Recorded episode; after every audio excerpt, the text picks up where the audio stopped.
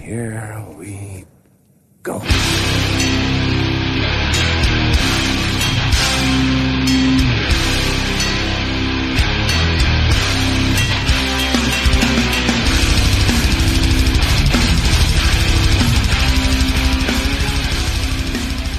Ja men sådär då, nere på noll, episod 124. Jag, Robin Lindblad, sitter här med Danne Nätterdal, Kan du ge dig fan på?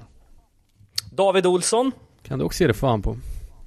och ärad gäst på Skype-länk, Lisa Nätterdal. Eh, Välkommen! Men tack så mycket. Trevligt att få vara med. Ja men fan vad kul. Eh, vi har ju med dig här idag för att vi ska riktigt dyka ner i det här av mig grymt bespottade social distortion, men av er det grymt dyrkade social distortion kan man väl säga. Eller? Korrekt. Verkligen. Ska du få förklara sen Robin? Bara så du vet alltså.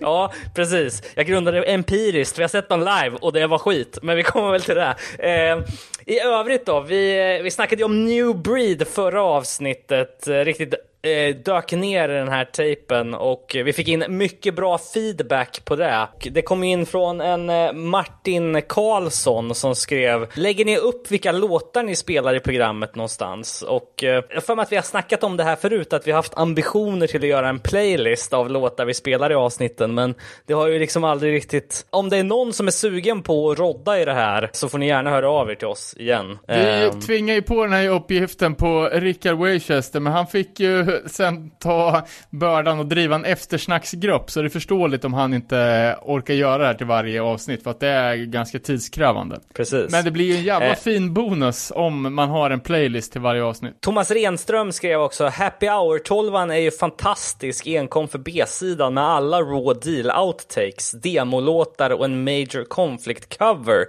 A-sidan kan man gärna repa. Ja, jag svarar på det där, jag tror fan inte att jag har kommit så långt som att eh, vända till B-sidan, för att den är ganska trött alltså. Okej. Men det lär jag Eh, Mar- nu. Mark skrev också, sångaren i Death by Stereo är ju en av de drivande bakom Program Skate and Sound. Ey, berätta varför folk hatar Nia Ju- Houston. Eh, har helt missat vad som hänt honom sedan X-Games. Uh, nej, Houston var ju lite av ett, ett eh, barnstjärna på skateboardbranschen. Han var ju typ proffs vid sju års ålder och la ju upp hårt drillad av sin farsa, höll han på att filma handrails typ när han hade blöjor. Och var med på alla jävlar. tävlingar och så här. Och det är väl kanske något som ses som lite ocharmigt bland, bland skatare. Sen blir det ju också så här att när folk är så här unga så har man sällan bra stil. Rent fysiskt så kan man liksom inte utföra tricken med sån grace som man eh, kanske kan göra om man är fullt utvecklad med muskler och sånt. Eh, så det gjorde väl att många tyckte att han hade en dålig stil.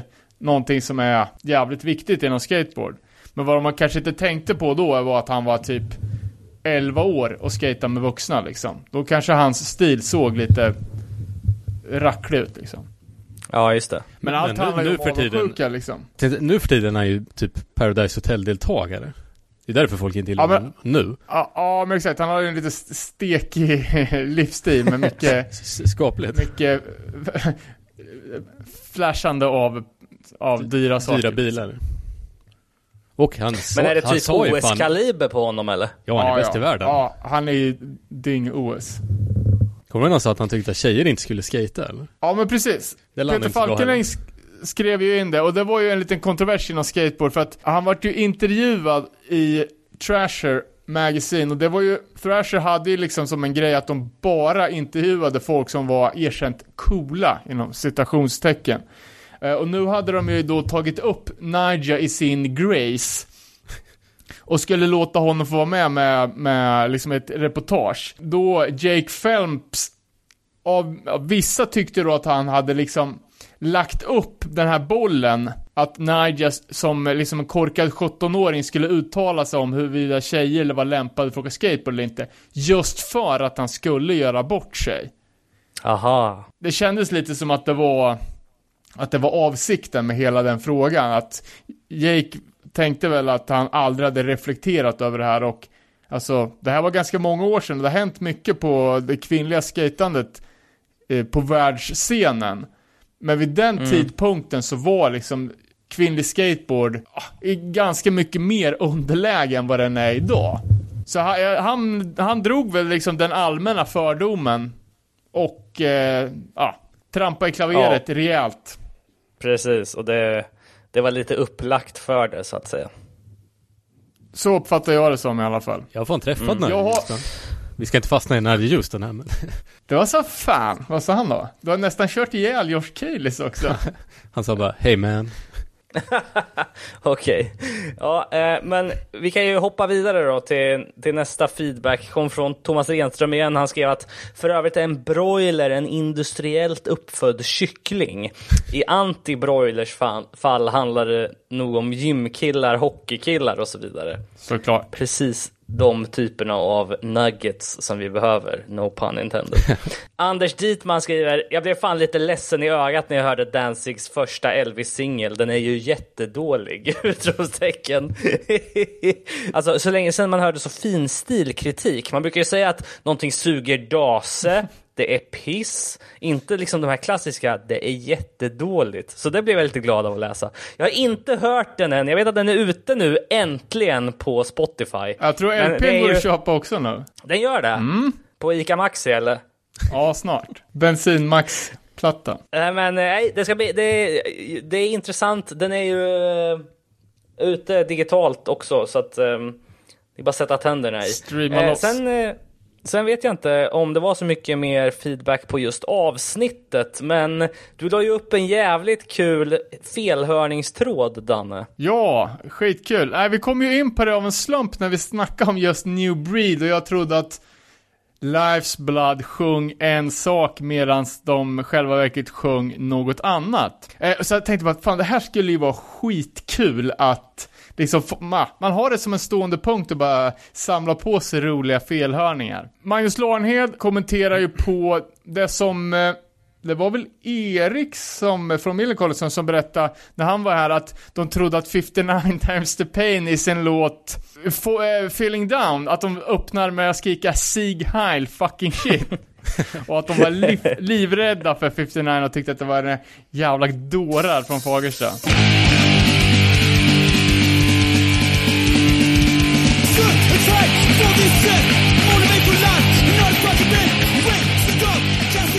Sen var det ju även någon som hade blandat ihop eh, vokalerna lite på och bandet With Honor. Så trodde att de hette White Honor och började fundera på om, om Victor hade släppt ett naziband.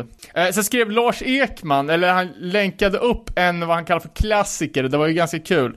Eh, Tragedies Vengeance-låt textad i sån här turkhits-style. Eh, ett YouTube-klipp som finns på, på vår Facebook, var ju ganska kul. Men eh, eftersom den låten är så sjukt snabb så var det svårt att hinna läsa i texten. Eh, sen tipsade Fredrik Stenman om en faktisk turkhit som heter eh, jag ringer en tolk som var kassör. Klassiskt, eh, är det 90-tals internetguld?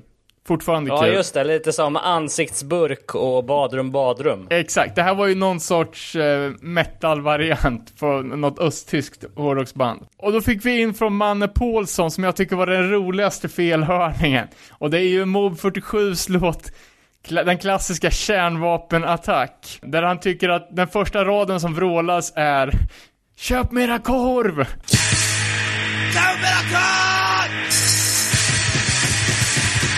sjukt, eh, sjukt roligt och klart man ska köpa mera korv. Eh, vi hoppas kunna fortsätta på, på den här, här eh, tråden och ha som stående punkt i kommande avsnitt. Ja, grymt bra initiativ. Ja, vi fick ju från, från mannen bakom New Breed-kompen, när vi fick honom på tråden så var jag tvungen att fråga lite saker som jag inte visste då. Eh, det här vart ju ett litet hastverk, vi fick ju tag på honom dagen innan vi skulle spela in och svaren kom ju under sändning. Eh, men jag ska, jag har översatt det här nu för jag tänker inte sitta och läsa på engelska. Och efter lite inledande artighetsfraser så börjar jag då komma in på själva kärnämnet. Eh, när kompen kom ut vilka band hade släppt skivor? Vi pratade ju om att Life's Blood 7 var redan ute, men Outburst, Beyond och Uppercut släppte plattor samma år. Minns du om dessa skivor hade kommit ut? Och kommer du ihåg det exakta datumet för New Breed-kassettens släpp? Och då säger han så här. Eh, Lifeblood och Bad Trip hade släppt plattor när kompen kom. Och Breakdown och Pressure Release hade varit med på andra samlingar. Det var, det var, också, det var också de enda. Och slutet av februari 89 kom, eh, kom kassetten. Sen var det då en, en fråga som gällde, alltså i dokumentären så pratas det om att hiphop influerade hardcore. Just då för att många av de nya kidsen kom in, eller de var liksom uppfödda med hiphop. Men att hiphop aldrig influerades tillbaka av hardcore. Och då, då hade jag teorin då att, jo men hiphop var, en- var liksom all over the place 1985. Det var liksom det som, som kids lyssnade på. Men hardcore var fortfarande mer esoteriskt underground. Så att hiphop-scenen visste liksom aldrig vad, vad hardcore var ens. Det var någonting som, som var utanför deras radar. Eh, och då håller han med om att, ah, hardcore, eller hiphopen påverkade många logos och och eh, artwork med graffiti. Men också att eh, Nuke Hardcore eh, influerade tillbaka på vissa rapgrupper. Till exempel Onyx. Som gjorde, ja, den här klassiska slam som ni kan, kommer ihåg tillsammans med Biohazard. Men definitivt att hardcore var mer underground i slutet på 80-talet och hiphop var ju liksom ett världsfenomen. Och de allra flesta av hiphop-scenen hade ju ingen aning om hardcore, men vissa, till exempel KRS-One och Boogie Down Productions var ju medvetna om det och samarbetade till exempel med Sick Overall. Eh, och där har vi ju klassiska eh, KRS-One-introt på, jag vill på Sick Overall 7 va, om jag inte minns fel. Och sen då om att eh, hiphop influerade hardcore. Så det var många människor i eh, New Hardcore-band som hade vuxit upp med graffiti och lyssnat på rap. Och, och det var klart att det både visuellt och vokalt överfördes inf- information. Men sen var min, min fråga liksom att, okej, eh, det hiphop influerade i form av graffiti och eh, sångstilen då, MCing. Kan det ha varit så att till exempel att morsen gick från en, en klassisk slam pit, push pit, till den liksom 90-talets mer hästsko-baserade windmill-stil. Och att det då skulle kunna vara influerat av b-boys som ja, men, går in i cirkeln på disco och kör några breakdance moves. Min erfarenhet är att de som, som börja, började med den typen av dans, de hade sina influenser snarare från kampsport, skateboard och, och sport än breakdancing. Sen var frågan då om det var no någon som försökte integrera DJing inom hardcore. På den tiden, alltså ja, varenda jävla band på 90-talet hade ju en, en med turntables och effekter, typ Strife och dem. Men jag, jag tänkte på den tiden, om det var någon som ens försökte liksom. Nej, inte under den tidsperioden, men vissa, till exempel Dingy från Absolution och Jimmy från Maximum Penalty var hiphop och housemusik DJs. Men det gjorde de helt separat och spelade för en annan publik. Eh, sen var då frågan, eh, av de 20 banden på kompsen så var det ingen som släppte på Rev. Förutom Beyond då, som släppte nu på 2000-talet. Var det här en slump eller var det någonting som ni aktivt gjorde? Att ni inte ville in- inkludera de mer etablerade banden? Eh, och då skrev han här att, ja, ah, men Breakdown var ju på Revelation Compen The Way It Is. Eh, och även om vi ville koncentrera oss på, på nya band så gick det liksom inte och inte ha med breakdown för att de hade påverkat typ alla de andra bandens sound. Eh, och jag säger att uh, Rev-kompen, det är Nuke Hardcores andra våg. Och vår samling som kom ett år senare, det tycker jag är Hardcore 2, eller Nuke Hardcore 2,5. Sen nästa fråga då. I eror där det finns en stark hardcore eller punkscen, som typ här i Sverige på 90-talet med Umeåscenen. Eh, då tenderar vissa kids att lyssna nästan uteslutande på lokala aktiva band. Lyssnade du och New Breed-generationen på några europeiska band, eller svenska, typ punkare, band som Anticimex eller Skitslickers eller något i den stilen. Eh, och då skrev han här att Ja, min, min första hardcore-spelning var 1985 med Raw Power från Italien. Eh, och sen dess lyssnade jag en hel del på europeiska band. Eh, samt alla lokala band såklart. Men de flesta i scenen tenderade att ha lite tunnelseende. Så att de faktiskt bara lyssnade på ja, aktiva Nuke Hardcore-band. Med vissa undantag då såklart. Men, men jag kan verkligen inte skylla på dem för att scenen var så sjukt eh, stor och bördig just under de här åren. Så det var typ en kamp för att ens hålla sig uppdaterad med det sista på hemmaplan. Och sen var ju det det som vi spekulerade i om då huruvida Danny Diablo hade haft en straight edge period. då ska jag säga Danny Diablo played bass with Gus straight edge in discipline early on. Was he fooling around with the straight edge for a second? Haha, no, I don't think so. Nej, vi växte upp i, i, samma, i samma område, Jackson Heights i Queens. Eh, det var jag, han och eh, Gus Straight Edge, så var, det var nog bara för att de var, redan var kompisar så de spelade ihop i Discipline. Eh, och sen hade jag en personlig fråga om skivsamlande, och då ska jag säga att eh, nu med Discogs och Ebay är det så mycket lättare att hitta saker. Men det är en skiva som har, eh, som har jäckat mig lite och det är Abomination-splitten. Vet du någonting om den? Det sägs att den är släppt av Radcore och Forefront. Eh, men jag har då under mina 20 års som eh, New Hardcore-samlare aldrig, bara sett den en gång. Så min misstanke är ju då att den har hamnat i någons källare eller rent av slängts. Vad vet du om den här komp, eller den här splitten? Och svarar han, ja, jag fick ju fråga Ray Parada som var sångare för Abomination på, på kompen. Men han visste ingenting om den här eh, eventuella splitten.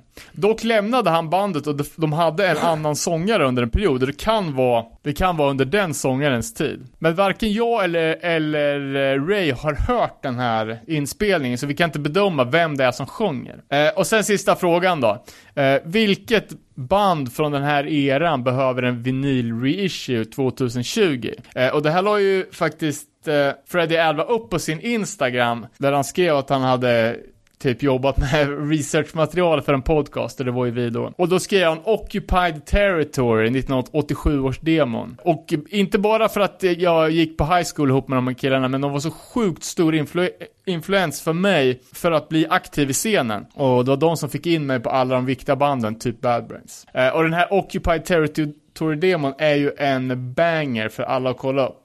Eh, så vi får väl hoppas att eh, Freddy på sitt bolag Wardance Records kanske kan göra en reissue någon gång, för jag skulle ju lätt köpa den. Vi går väl eh, vidare då till Hänt i veckan. Och eh, först ut då, ännu en karantänvideo. Den här gången från eh, hårdaste snubbarna eh, i USA, Crowd Deterrent. Musikvideon Hard Talk. Är det någon som, någon som har kollat på den eller? Ja, jo, det, det har jag gjort. Ty tyvärr höll jag på att säga. Alltså, man, man, man är ju ändå ett fan av Crowd Deterrent musikaliskt. Absolut. Jag tycker varje låt är så jävla catchy alltså. Ja, de är fantastiska och likadant deras eh, punkigare projekt Race Ride 59 är pissbra. Eh, Ja. Men det här är ju folk som man har gått runt och varit lite rädd för. Jag kommer ihåg när vi var, var och kollade på Bulldoze någon gång i Finland där det var liksom folk från deras gäng med och stå, såg livsfarliga ut. Det gör man inte längre. Det var ju, Nej. det var ju ett stort mått av att bjuda på sig själva kan man säga. ja, För att uttala det snällt. Men tror du de såg, Ja. de såg det inte Men- så? Det måste de ha gjort. Nej, 100% seriösa. Eh, och den här videon var ju då en, en eh, compilation när folk har suttit hemma och morsat i köket till musiken. Och det kan man ju förstå själv att det, det ser ju inte bra ut. Fan, låten var ju jävligt bra. Mugge. Vidare då, eh, jag vet att eh, många gör ju sitt nu för att supporta olika artister och eh, de gångerna i vuxen ålder som jag har köpt musik digitalt så har jag faktiskt gjort det via Bandcamp. För det är oftast där man kan hitta grejer liksom i MP3 och man kan ladda ner låtarna direkt och de blir inte bundna till någon plattform. Och nu har faktiskt Bandcamp haft, de har ett Eh, en kampanj här nu att de tre fredagar kommande månader här kommer liksom avstå från sin fee av priset på låtarna. Om jag köper en låt av något band för 10 kronor på Bandcamp så tar ju oftast Bandcamp kanske 4 kronor av dem och så går 6 till bandet eller skivbolaget.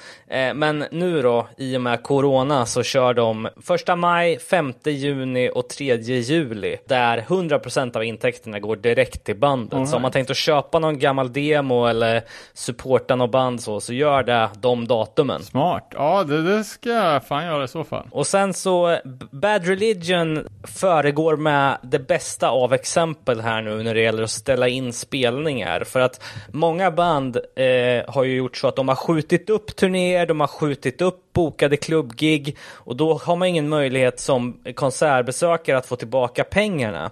Utan då blir man oftast så här eh, erbjuden presentkort eller att din biljett är giltig till nästa bokade datum då. Men det är inte säkert att man kan gå då. Bad Religion, och det är bara för att folk skjuter upp. Men Bad Religion har valt att ställa in hela sina, alla sina turnéer 2020 och det innebär ju att de som har köpt biljett kan få pengarna tillbaka. Eh, enligt eh, branschstandard då, så det är, det är bra gjort. Sen så såg jag att eh, Record Store Day, som vi har pratat lite om, eh, de har nu en, ändrat upplägg lite och kommer ha en slags tre dagars upplägg. Eh, originaldatumet var ju eh, 20 juni. Eh, ah, jag men, tror det var eh, 12 april, sen sköt de på det. Ja men precis, de sköt det från 12 april till 20 juni och eh, nu har de tagit bort 20 juni datumet och istället så kommer de köra tre lördagar eh, på, i tre olika månader. Alltså 29 augusti, 26 september och 24 oktober. Eh, och varje eh, datum kommer då ha en, en annorlunda exklusiva releaser och bundles och sådär. F- förmodligen då från den här tidigare listan som de har gått ut med. Och där hittar vi ju band som Raised Fist, Dinosaur Junior, Alpha and Omega och så vidare. Så att eh, är man sugen på något av dem så kan man ju hålla ut, utkik. Jag kan sticka med, med några, några korta. Eh, Ja. Jag såg någonstans att Dennis från Refused bekräftade att den här eh, nya Refused-låten, Rev 001, är en tribute till Warzone 7 som har katalognummer Rev 001. Det var i lite coolt. Fan vad fett. Lite pepp blev man. Göteborgsbandet eh, Respite, eh, bra gäng, eh, som du bokar här i Örebro. Hoppas vi kan se dem live någon mer gång. Eh, har gått från, som de själva, själva säger, pretentiös mellow hardcore till att spela hardcore punk. Eh, grottstilen, mycket bra faktiskt.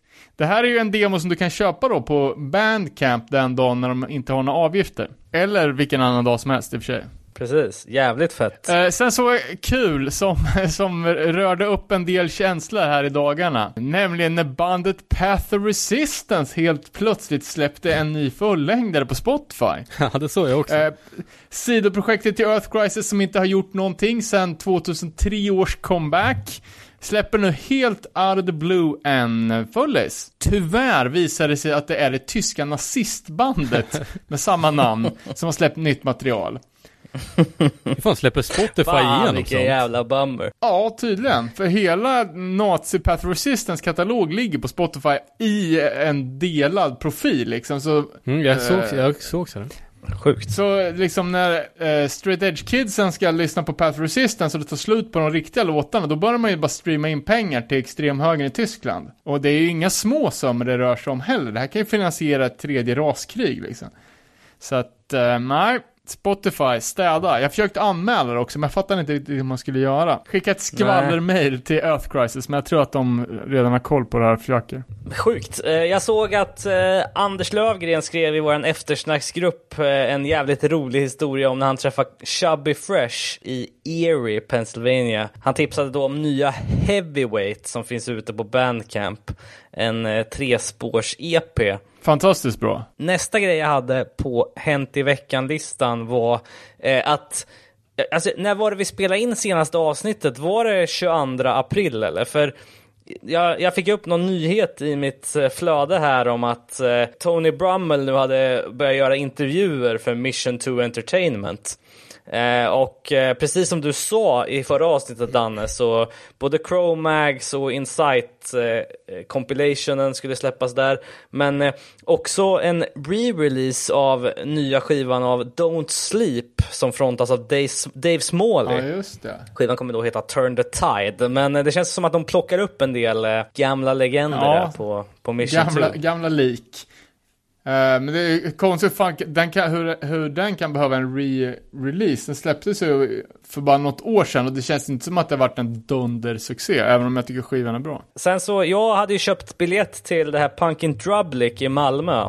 Eh, jag såg nu, första maj gick de ut med och sa att eh, det inte kommer bli av.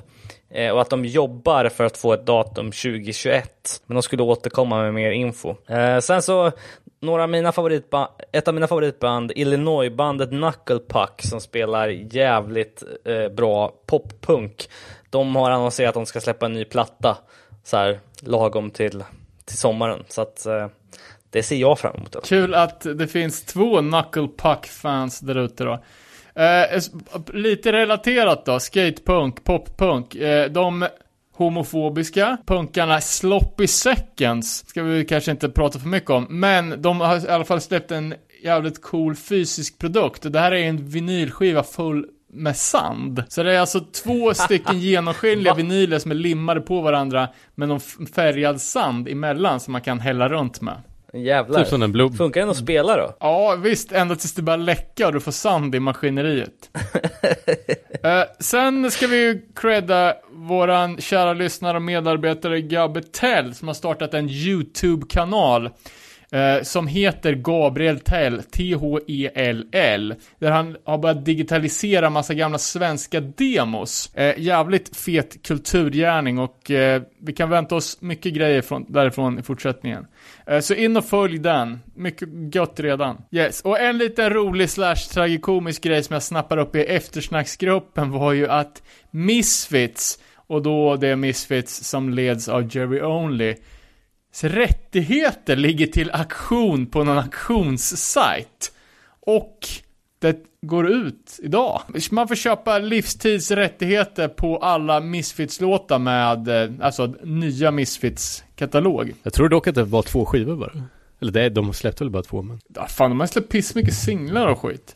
Eh, Det står i alla fall... det var med dock. Skitsamma, det spelar ingen roll. Det spelar ingen roll. Och då får man ju då alla, alla royalties som de här plattorna ska generera, vilket ska vara cirka 12 000 dollar per år. Eh, och Låter inte det nu på- orimligt mycket eller? Ja, jag, jag vet inte. Jag kan inte bedöma det. Att de ska st- st- ja, streama in 120 000. Per, ja. Ja, det låter lite mycket kanske. Men alltså nya Misfits är ju större än man tror. Om du kollar på Misfits på Spotify så tror jag typ Scream och de där låtarna är typ topp alltså. Men vad, vad är buden uppe i då? Det är fem timmar kvar bara. Jag hade hoppats på att vi hade kunnat följt det här i mål, men budet är nu på 107 200 dollar. 14 bud är lagda, det är 50 Okej, man måste alltså bli approved för att kunna lägga bud på den här sajten. Ja, inte så konstigt. Eh, och det är på Royal Exchange som är väl någon varumärkes Tradera, gissar jag. Det är ju en liten annan aspekt av eh, ett bands historia det där med vem som sitter på royalties och får pengarna. Eh, Ja, Okej, man, tar ju det så, man tar det så för givet att det är bandet själva som har sina egna rättigheter. Ja, inte att det är en exakt. jävla handelsvara, men... Men kul att det funkar som aktier typ då. Om man vet att så här, de kommer att ha låt i, i nya Ja, kan- Disneys barnfilm så det, då är det ju bara att köpa. Exakt, för då vet man att det är guldbyxor, en jävla sedelpress resten Ja, av typ. livet. Jag, jag, kan, jag kan fortsätta, jag har två grejer kvar på Hänt i veckan här då. Det första är, jag har ju pratat om ett band som ligger mig väldigt varmt om hjärtat förut. Eh, ett metalcore-band som heter The Ghost Inside. Eh, det som är intressant med dem är ju att i november 2015 så var de med om en busskrasch. Där två personer dog, inte medlemmar i bandet dock, men trummisen blev av med ena benet. De andra fick ligga på sjukhus jävligt länge. Problem med ryggen och sådär. Men eh, det var när de var ute på turné 2015. Sen dess har de inte gjort någonting. De spelade sin första spelning förra året. Eh, trummisens farsa har byggt någon anordning så han kan fortfarande spela dubbelpedal fast han saknar ett ben. Vilket är sjukt häftigt. Men nu har de släppt sin första låt från kommande platta. Som släpps eh, 6 juni, nej 5 juni via Epitaph. Och första singeln Aftermath finns ute. Och det är ja, jävligt fett. Eh, straight edge representation, jävligt bra. Det andra då, lite breaking news ändå får jag säga eftersom det kom ut nu när vi satt och spelade in det här. Det är att Discord släpper hela sin katalog online gratis. Det är då allt som de har släppt senaste 40 åren på Bandcamp gratis. Eh, och även fast det är gratis hoppar de att lyssnare ska liksom supporta artisterna genom att köpa den för någon summa på där då. Eh, just under de här dagarna som Bandcamp har sagt nej till sina avgifter All så att right. säga. Det, det är fortfarande, det är ju gratis att lyssna på allt på Bandcamp, men om du vill ladda ner en enskild skiva eh, så, så kostar det lite pengar då. Men eh, det är bara att passa på nu då när de inte har någon avgift Eh, direkt. och vill man bränna, bränna sina pengar så har ju, håller Discord på att eh, släppa Japan-versioner på sina klassiska gamla plattor tillsammans med skive, skivbutikskedjan Disc Union. Eh, främst för den japanska marknaden men såklart så är det ju samlarmupparna går ju bananas och beställer dyra pengar till Europa. De var dock jävligt snygga. Ja, jag han knipa de två första, men jag tror fan de har höjt priset, för nu kostar de 350 spänn styck. Plus frakt och skit, så att... Ja, jag jag är tagg. Ja, eh, men eh, det var väl det, hänt i veckan. Vi eh, ska väl ta klivet in i då det här kultbandet som ändå är Social Distortion.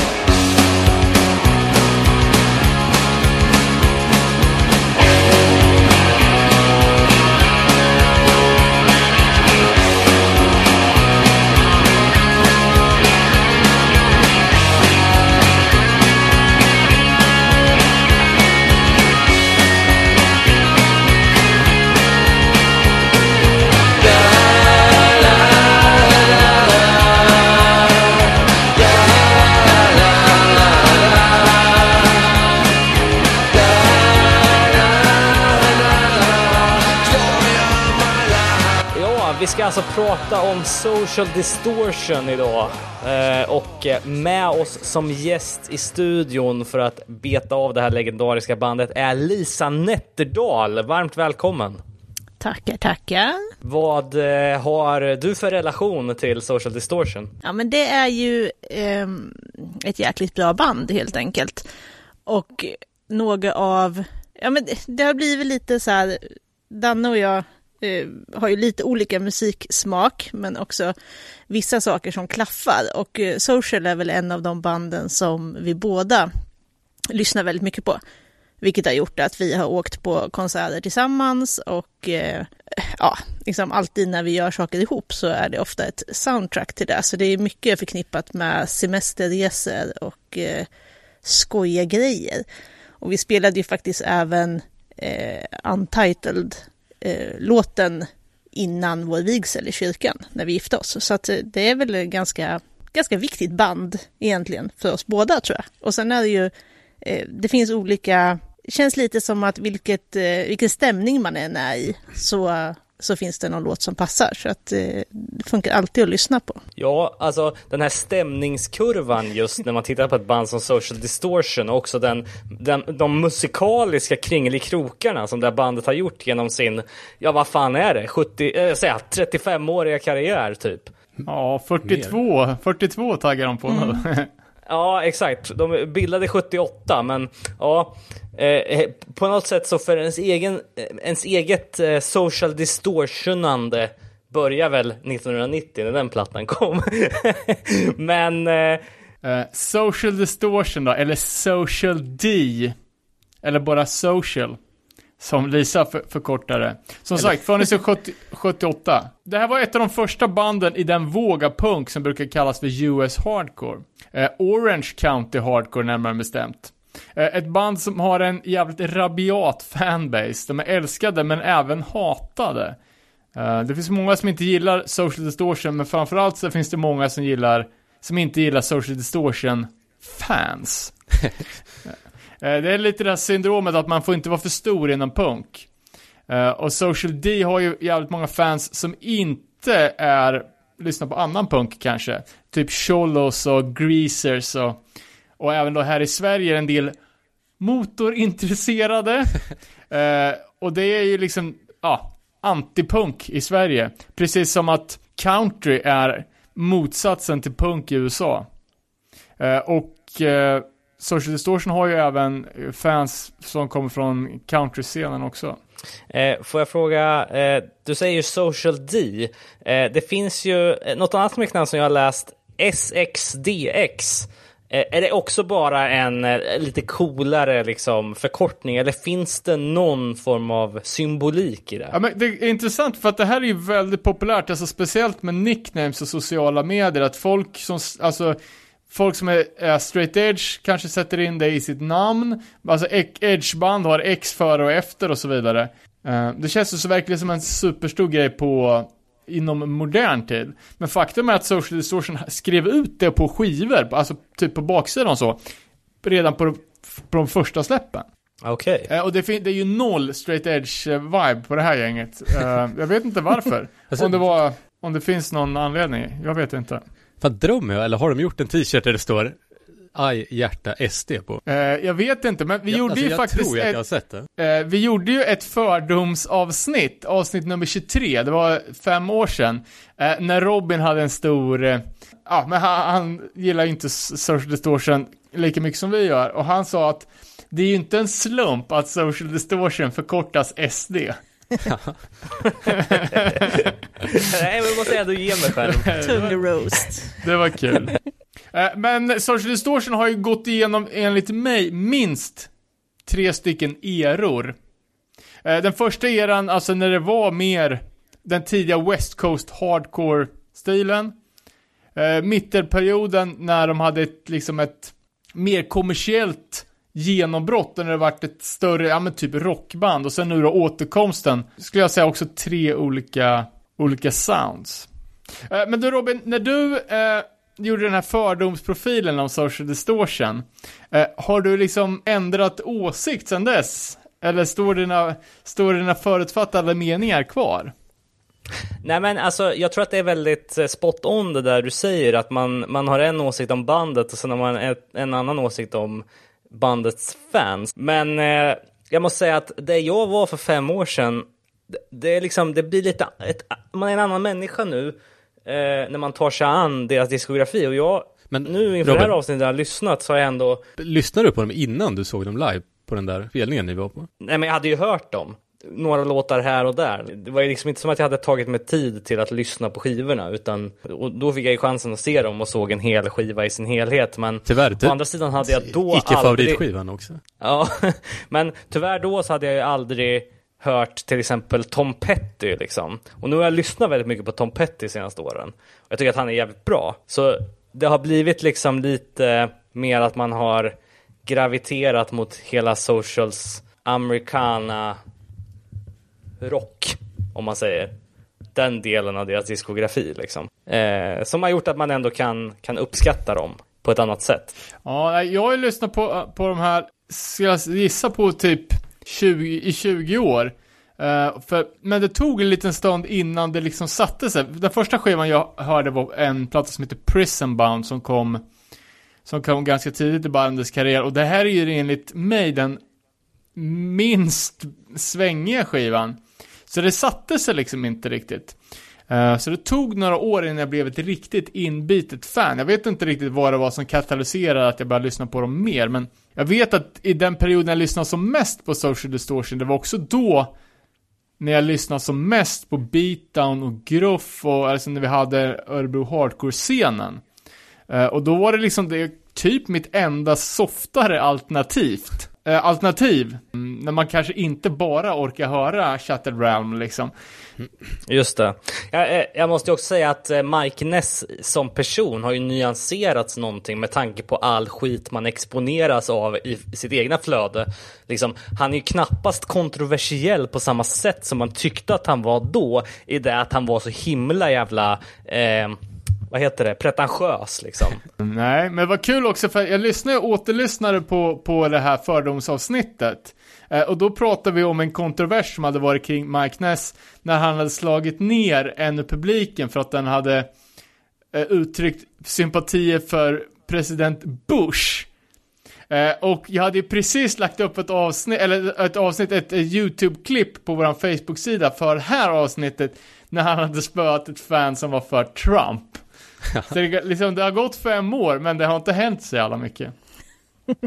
Eh, men jag varit lite förvånad att eh, du David gillade Social Distortion, för det var in, långt ifrån alla i Örebro-scenen som, som var inne på det. Men när du och Philly with Hate kom ut som social fans när vi var och kollade på, ja, när vi var på Pressurefest i Tyskland. Det var en, en glad överraskning. Den, den första skivan jag hörde var ju Somewhere Between Heaven and Hell. Min kompis snattade den på ICA Maxi i Motala.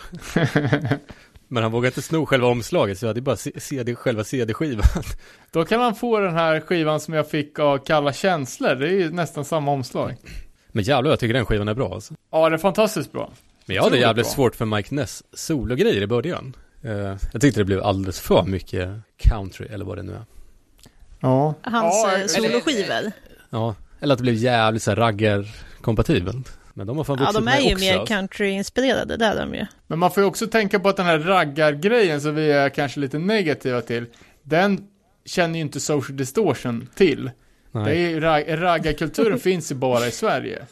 Och eftersom jag är från Motala där det bara är fucking diffade 240 så den typen av raggare, då tyckte man att det var jävligt oklint.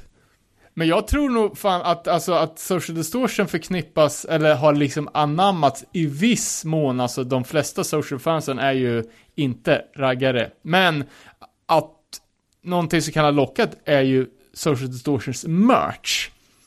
För att de har ju jävligt med sig, alltså Mike Ness är ju, ett, är ju ett bilfan. De har ju en stark 50-tals-aura i allt sitt visuella med amerikanarna och eh, hela den kulturen.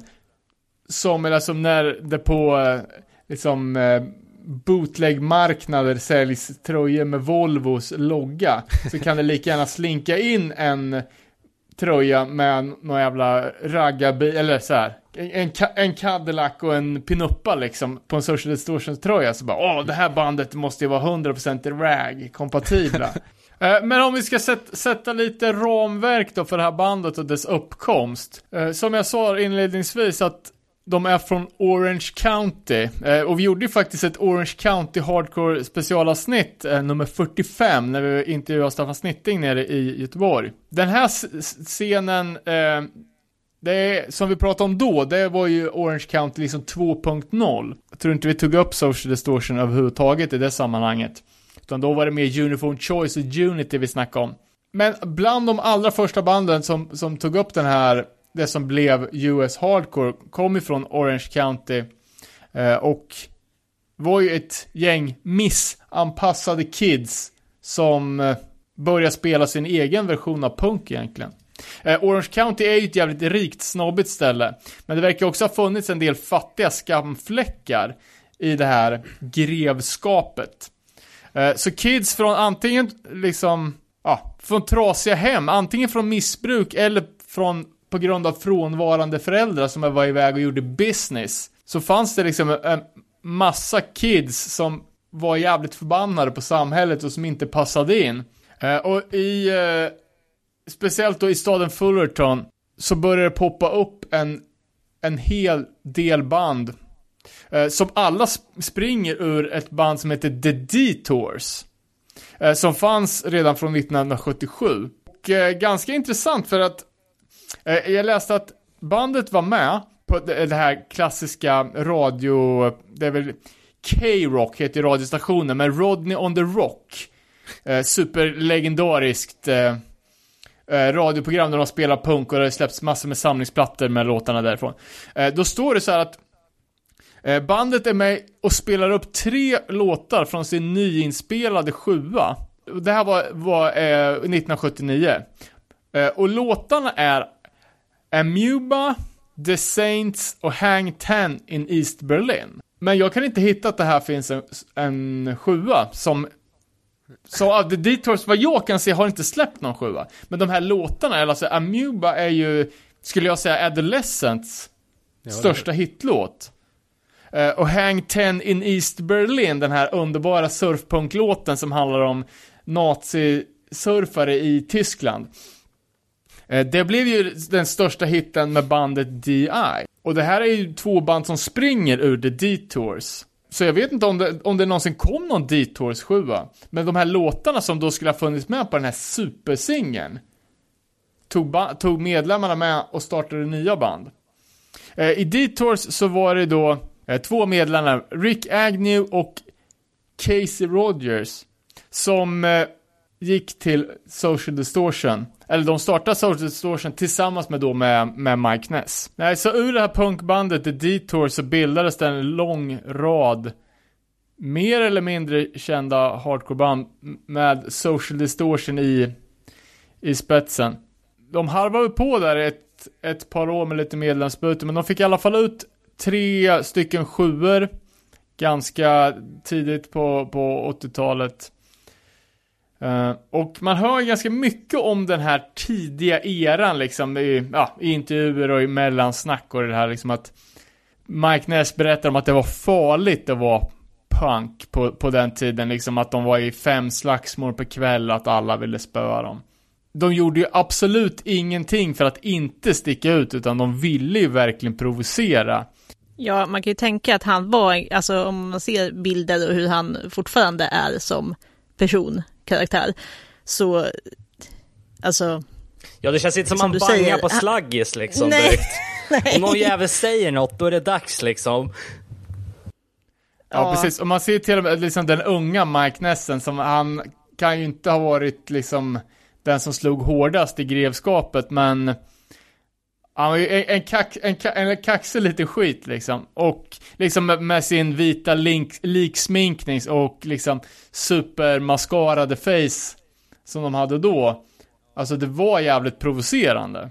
Eh, och eh, ja, de var ju missanpassade förbannade kids som som, som ville provocera sitt samhälle och de var ju liksom nihilistiska med ja, mycket droger och mycket liksom kaos. 81 i alla fall så släpper de sin första sjua, då som en trio. Eh, men lite intressant är att jag såg att innan den var släppt så fanns det faktiskt en påtänkt tolva. Eh, samma låtar som på den här första Porschboy 7 fast två till. Eh, som skulle ha blivit Social Distortions första släpp. Men den här kom bara ut i testpressvariant. Lite intressant är ju att bilden som medföljde den här plattan ett bandfoto, men det är inte säkert att det, de på bandet är, de på fotot är social distortion. Um, så jag vet, jag vet inte riktigt om bolaget, alltså relativt lilla bolaget Porschboy, om de ville banta ner det hela, att de inte vågade släppa en 12 utan att de gjorde en billigare 7 Ja, just det. Uh, eller vad som är upp med den här, den, den här releasen då, som hette Mummy's Little Monster, men som aldrig, aldrig kom ut. För äh, den, den, den, ja. den, den, ligger ju på Discogs krediterad som en 12 uh, Men... Uh... Ja, men, men precis. Men uh, som sagt, det, det, finns bara 10 till, till 25 x testpress. Samla guld. en av de här låtarna på, på den två, två låtars sjuan är ju Playpen och den handlar ju om Mike Ness lägenhet. och det här var ju stället dit kidsen som inte kunde eller ville vara hemma kunde dra och festa texten går ju liksom eh, We have to go, the neighbors have complained. The walls have all been stained. Uh, och även Adolescents låt, som är väl deras, vad blir det då? Näst kändaste låt. Även det är en Detours-låt faktiskt. Är ju Kids of the Black Hole. Som också handlar om Mike Ness första lägenhet. Uh, och där, där går ju texten Once a mansion, now a wasteland. Mm. Eh, så man kan ju tänka att de härjar ju på rätt så friskt i den här lägenheten. Stökiga små kids. Ehm, och här tycker jag att alltså Mike Ness gör en ganska svag sånginsats. Alltså rösten är ganska gnällig och det finns liksom ingen ingen riktig klang i det hela. Nej, men men eh, samtidigt det är ju eh, det, det, känns ju när man nu när man har lyssnat igenom lite av deras tidiga grejer så där. Det märks ju att han experimenterar ju också lite. Och det tog ju honom ett tag för att han skulle hitta sin röst liksom. Ja men absolut, det finns ju inget som säger att han skulle, att han skulle vara en bra sångare från början liksom. Det var ju bara punkkids som, som spelade i ett band, mm. men sen har han ju utvecklats.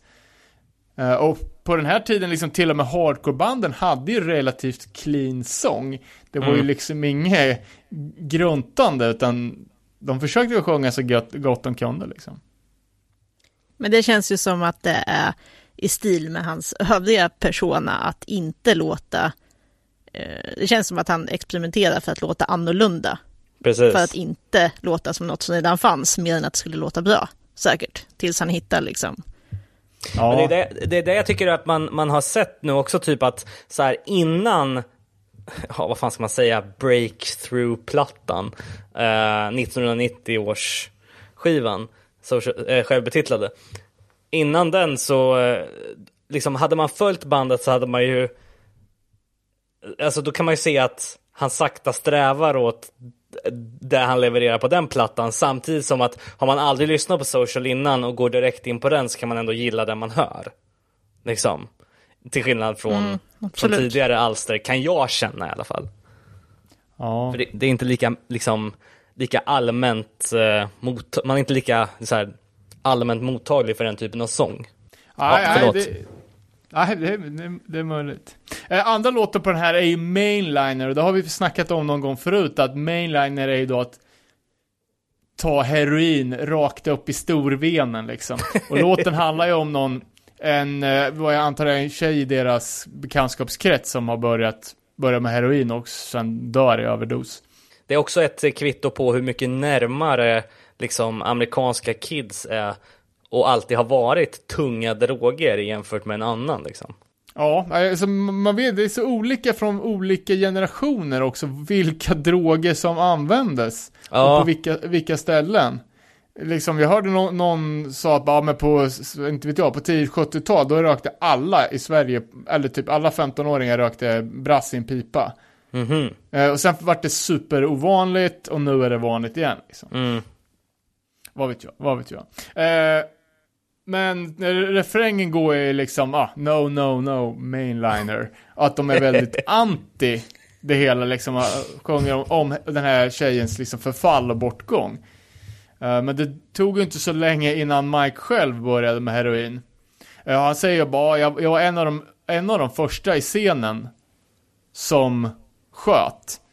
Eh, och det romantiserades jävligt mycket. Vi tyckte att det var sjukt coolt och vi hade liksom så här Keith Richards, Sid Vicious. Eh, ja, vi kände oss som dem och var sjukt coola när vi gjorde det. Sen släppte de ju då en eh, ytterligare sjua, 1945. Eh, lite fattig release utan omslag. Eh, Playpan-låten igen. Eh, Men sen är det då låten 1945 som, som skiljer sig ganska mycket lyriskt mot övrigt material, för den här handlar ju om andra världskriget. Eh, Och alla andra Social Distortion-låtar typ handlar ju om egna erfarenheter eller liksom inga så här allmänt, eller liksom världspolitiska händelser, utan ja, den eh, skiljer sig ganska mycket. Eh, sen kommer ju då Under My Thumb som är en Rolling Stones cover. Eh, och eh, här blottas ju liksom en influens som kommer Ja, gå som, ett, som en röd tråd genom hela bandet i dess karriär. På fler än ett plan. Eh, och sista av de här sjuorna då som, som släpptes är ju Another State of Mind som kom 83. Eh, och den här skrevs ju under en fem och en halv veckors turné i dokumentärfilmen med samma namn. Eh, får jag fråga då, är det första gången som den här eh, social distortion eh, dödskallen dyker upp, eller? Osäker, säger du att den har dykt upp så, så, så är det så. Jag tror inte att den är med på någon av de, de tidigare. Är den tryckt på etiketten på vinylen eller? Ja, exakt. De Eh. sprayar väl den? Var den inte med i dokumentären? Ja, det kanske den är. Jag kommer inte ihåg. Ja, nu blir jag också osäker, men jag har för mig det. Mm, att de schablonsprayar. Ja, men... Eh, det, den, den dyker ju upp här, här i krokarna. Eh, på omslaget så ser vi ju eh, förmodligen då tjejen som själva låten Mommy's Little Monster handlar om. Eh, det är alltså en tjej som har blått hår. Eh, och det är, och, ja, återkopplat till texten Her eyes are deeper blue, she likes her hair that color too. Eh, och här är första gången då som Mommy's Little Monster-låten är med. Jag gillar att man Eh. kan säga mainliner-aura. eller kan man det? Ja, det kan man nog göra. det är fan sant på den. Eh, Men jag skulle säga att eh, just, just den här låten är kanske lite gladare än övriga i bandets hittills katalog. Just det här liksom att de verkar vara så jävla peppade på att rebella. Eh, Mike Ness berättar ju liksom ofta om att han kommer från ett extremt trasigt hem och det verkar ju som merparten av dem, alltså Agent Orange, Adolescents, DI, att de hela de, eh, det gänget kommer från risig bakgrund. Och det, är, Eh, det är lite kul, eller kul, fett okul för dem, men, men att storyn för personerna bakom de här banden eh, på liksom några år senare eller typ samtidigt som eh, New York Hardcore-vågen var, att det liksom är lite samma liksom broken home öden på dem liksom. Mycket droger, mycket Ja, men det, det är intressant att tänka, eh, för liksom i den icke-digitaliserade världen, hur det här ändå kunde hända typ samtidigt men på två olika kuster liksom. Ja, men precis, det är pisslångt Ja, mellan exakt. Orange County och New York och ändå var det typ samma grej och att det just blev att de eh, började spela punk och eh, gjorde det hårdare och mer än, än vad de gamla banden hade gjort. Liksom. Och att vi sitter här 42 år senare och pratar om det liksom.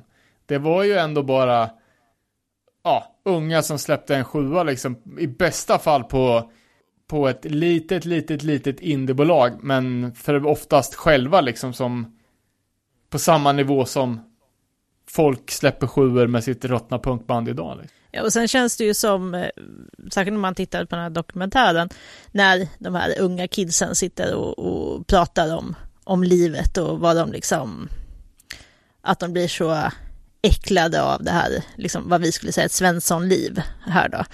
Liksom, och att det skulle, de skulle aldrig kunna tänka sig att leva medelklasslivet och, och det liksom påminner ju om av vilka revoltande ungdomar som helst egentligen i vilket Exakt. årtionde som helst. Det är ju liksom samma story att ja, men någon som har uttalat sig om att den skulle aldrig bli 30, det skulle vara det värsta om man levde till 30 och sådär. Eh, och sen så har ett ganska vanligt Svenssonliv ändå. Men det här var ju liksom, ehm, ja men de var ju verkligen illa däran om man tänker att det var så tunga droger inblandat i det också. Så det är ju verkligen så här, jag vet inte ens om det är 50-50 att man ska lyckas, utan snarare hade de väl ännu sämre odds på att de skulle liksom lyfta sig ur det där. Och många av dem som var med i dokumentären är väl kanske inte eh, vid livet idag kan man tänka. Nej, jag kommer inte ihåg, alltså Lisa, vi kollade på den här dokumentären, Another State of Mind, för inte så länge sedan. Eh, och det är ju ett ställe de är på, på den här turnén, ett av stoppen så hänger de med några kids som är riktigt fucked up. Det var ju någon som, Han är i rullstol. ja precis. Det är honom du tänker på. Ja. Ja. Och de verkar ju, de verkar ju så jävla mainliner. Jag kommer inte Ja. ihåg hur, hur han hamnade i rullstolen. Han hade blivit misshandlad av snuten typ tills han dog, eller han dog. Det var något i den stilen. Och han Ja. säger det liksom att Det är bara, fruktansvärt tragiskt i alla fall. ja, typ att om två år så, så finns inte jag längre. Den här låten ska spelas på min gravning för inom två år så finns inte jag längre. Va- Varför säger du så? Jag tycker inte om att leva. Så att det är mörkt som fan på Ja. men sen också det här med drogerna, att det verkar inte som att liksom just i det här turneska sällskapet så var det ju inte så, verkar inte som att de, alltså, höll på så mycket med, med droger för att de beklagar sig lite att eh, den här, den här super DIY-turnén då, de har liksom eh, gjort ett benefit-gig och fått ihop pengar till att köpa den sämsta gamla skolbussen och sen drar de ju bara.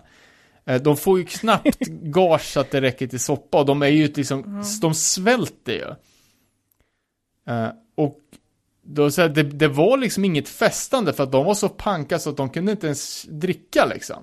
De var sura på Mike Ness för att han med sin charm antar jag liksom kunde bli bjussad på bärs. Så att han liksom han kunde liksom kröka på turnén, de andra liksom svalt och var nyktra för att de hade liksom noll pengar. Nej, och sen de här, ja, men som killen i rullstol och de här, det var ju liksom personer de träffade på de olika ställena där de stannade och spelade. Så det var ju liksom de lokala kidsen som kom på de här Ja. spelningarna. Nej, eh, och de, de ja. kändes ju mer nerknarkade än som du säger, det var ju inte de, de i banden som stod för det i just den Nej. dokumentären. Ja, men, men Mm. precis, och det här var ju ändå, de, de banden, eller personerna, punkkidsen som var så pass driftiga att de kunde crowdfunda ihop en turnébuss och, och ha ett band. Det var väl inte de som var värst däran. Och byggde sina egna små stenhårda sängar med lite plast på bara. Ja men precis. Det var ju, när, det var ju en väldigt tråkig buss. Exakt, när de inreder, jag tar en plywoodskiva och sätter ett galonbit över och tänker att de ska sova på den så här 60 cm plywooden i fem veckor. Fy fan. Men Det, det var ju lite när den där bussen rullade iväg, man bara jag ger det. Hur många timmar ger vi dem i den där bussen alltså? Och den Ja. kraschar ju såklart också. Så. Men det är väl lite det där som gör att de kan appellera till både liksom underdogs och eh, liksom medel icke-punkare liksom som, som ser det här utifrån och blir intrigerade av det man ser liksom att så här, ja de här är liksom for real och de som kommer från gatan känner att de är en av oss. Ja men verkligen, alltså ja, Social Distortion bygger hela sin image på autenticitet liksom och det, det, det har de ju. Eh, och man får inte glömma liksom att, ja nu finns det ju fan, det finns en dokumentär om varenda band liksom. Men på den här tiden var det ju en extremt stor grej. Alltså Social Distortion blev ju jättemycket kändare för att de hade varit med i en riktig liksom spelfilmsdokumentär. Precis som banden som var med i Decline of Western Civilization något år tidigare, liksom att det här var en jättegrej. Så Ja, de, och det blir ett sätt att nå ut för om man säger, ja, för, för det är ju ändå liksom social distortion, det går ju inte att prata, alltså det är ju Mike Ness man pratar om. Och det ser man ju i den här äh, dokumentären också, om de är ett gäng på åtta pers som åker runt. Det är ju hans persona som sticker ut, för han har ju en jävla karisma. Sen är han liksom som en lite weird snubbe, men han har ju någonting som man förstår ju att det är, det är ju han man kommer ihåg därifrån på något sätt. Och så måste det ju ha varit för alla som träffar det här gänget liksom. Ja, precis. Och det är roligt när de, när de, när de andra klagar lite på att, att, att Mike har varit full, liksom. Då säger han bara, "Du, jag, kan, jag, jag spelar de här låtarna i tre år, jag klarar av att vara full och spela dem. Och sen bara snabbspolar man bandet 38 år till och han kör fortfarande samma låtar liksom. Ja, för det är ju det också som är så sjukt när man ser dem på scenen i den här liksom, eh, dokumentären. Och sen så går man på en livespelning nu och där står han och harvar samma låtar. Liksom, det är ju fortfarande samma som han sitter och, och liksom, när han tar fram den här låten i, han kör ju sitt intro i dokumentären när han skriver den här låten. Ehm, så fort han får chansen sitter han ju och harvar med sin gitarr. Och det är ju liksom, man måste ju ändå tänka in i att han, han fortfarande spelar samma låtar som han gjorde när han åkte runt i den där bussen. Innan vi var födda liksom. Ja, det är helt galet. Ja, och jag vet inte om det är en klippning liksom, eller om man, för i, det går ju lite som en röd tråd i hela Another State of Mind, att Mike Ness sitter med en akustisk gitarr och försöker skriva den här låten Another State of Mind. Och jag vet inte om man faktiskt håller på i fem och en halv veckor, eller om man bara, eller om de bara klippte så. Men han håller ju liksom på och, ja det är ju en rad i taget liksom. Ja, men det är ett gäng som mekar med bussen och då sitter han bredvid och harvar på den där låten. Ja, ja precis. Det är ju liksom, Ja, det är kul. Uh, gå vidare till, till första fullängdssläppet, Mummy's Little Monster, som kom 1983. På eh, någon typ av kompis bolag, 13 Floor Records. Eh, öppningsspåret, ännu en låt som, eh, som jag tror att de öppnar livespelningar med ännu, eh, ännu idag. I just wanna give you the creeps. Motherfucker. Och sen kommer ju då eh, Another State of Mind. Eh, och ah, det är en eh, jävligt bra, alltså LA Hardcore, tidig LA Hardcore-platta skulle jag säga. Det är liksom superkaraktäristiska soundet med så mycket reverb och så mycket, alltså det är så mörk ljudbild. Och sen just så trummandet, mycket symboler, mollgitarrslingor, mycket liksom ooze and ace.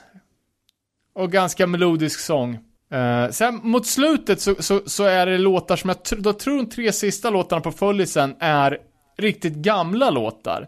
Som, de har också en lite mer punkig edge rent musikaliskt. Men låten eh, Anti-Fashion är ju lite, lite kul. För att det är inte så att de är em- emot mode, utan de är, de är sjukt, eller i alla fall Mike Ness, är sjukt intresserade av mode. Men då är det deras egna antimode. För man ser, ja, återigen då till den Arrested Mind-dokumentären, liksom man håller på och berättar om vad han har för upplägg på sitt smink.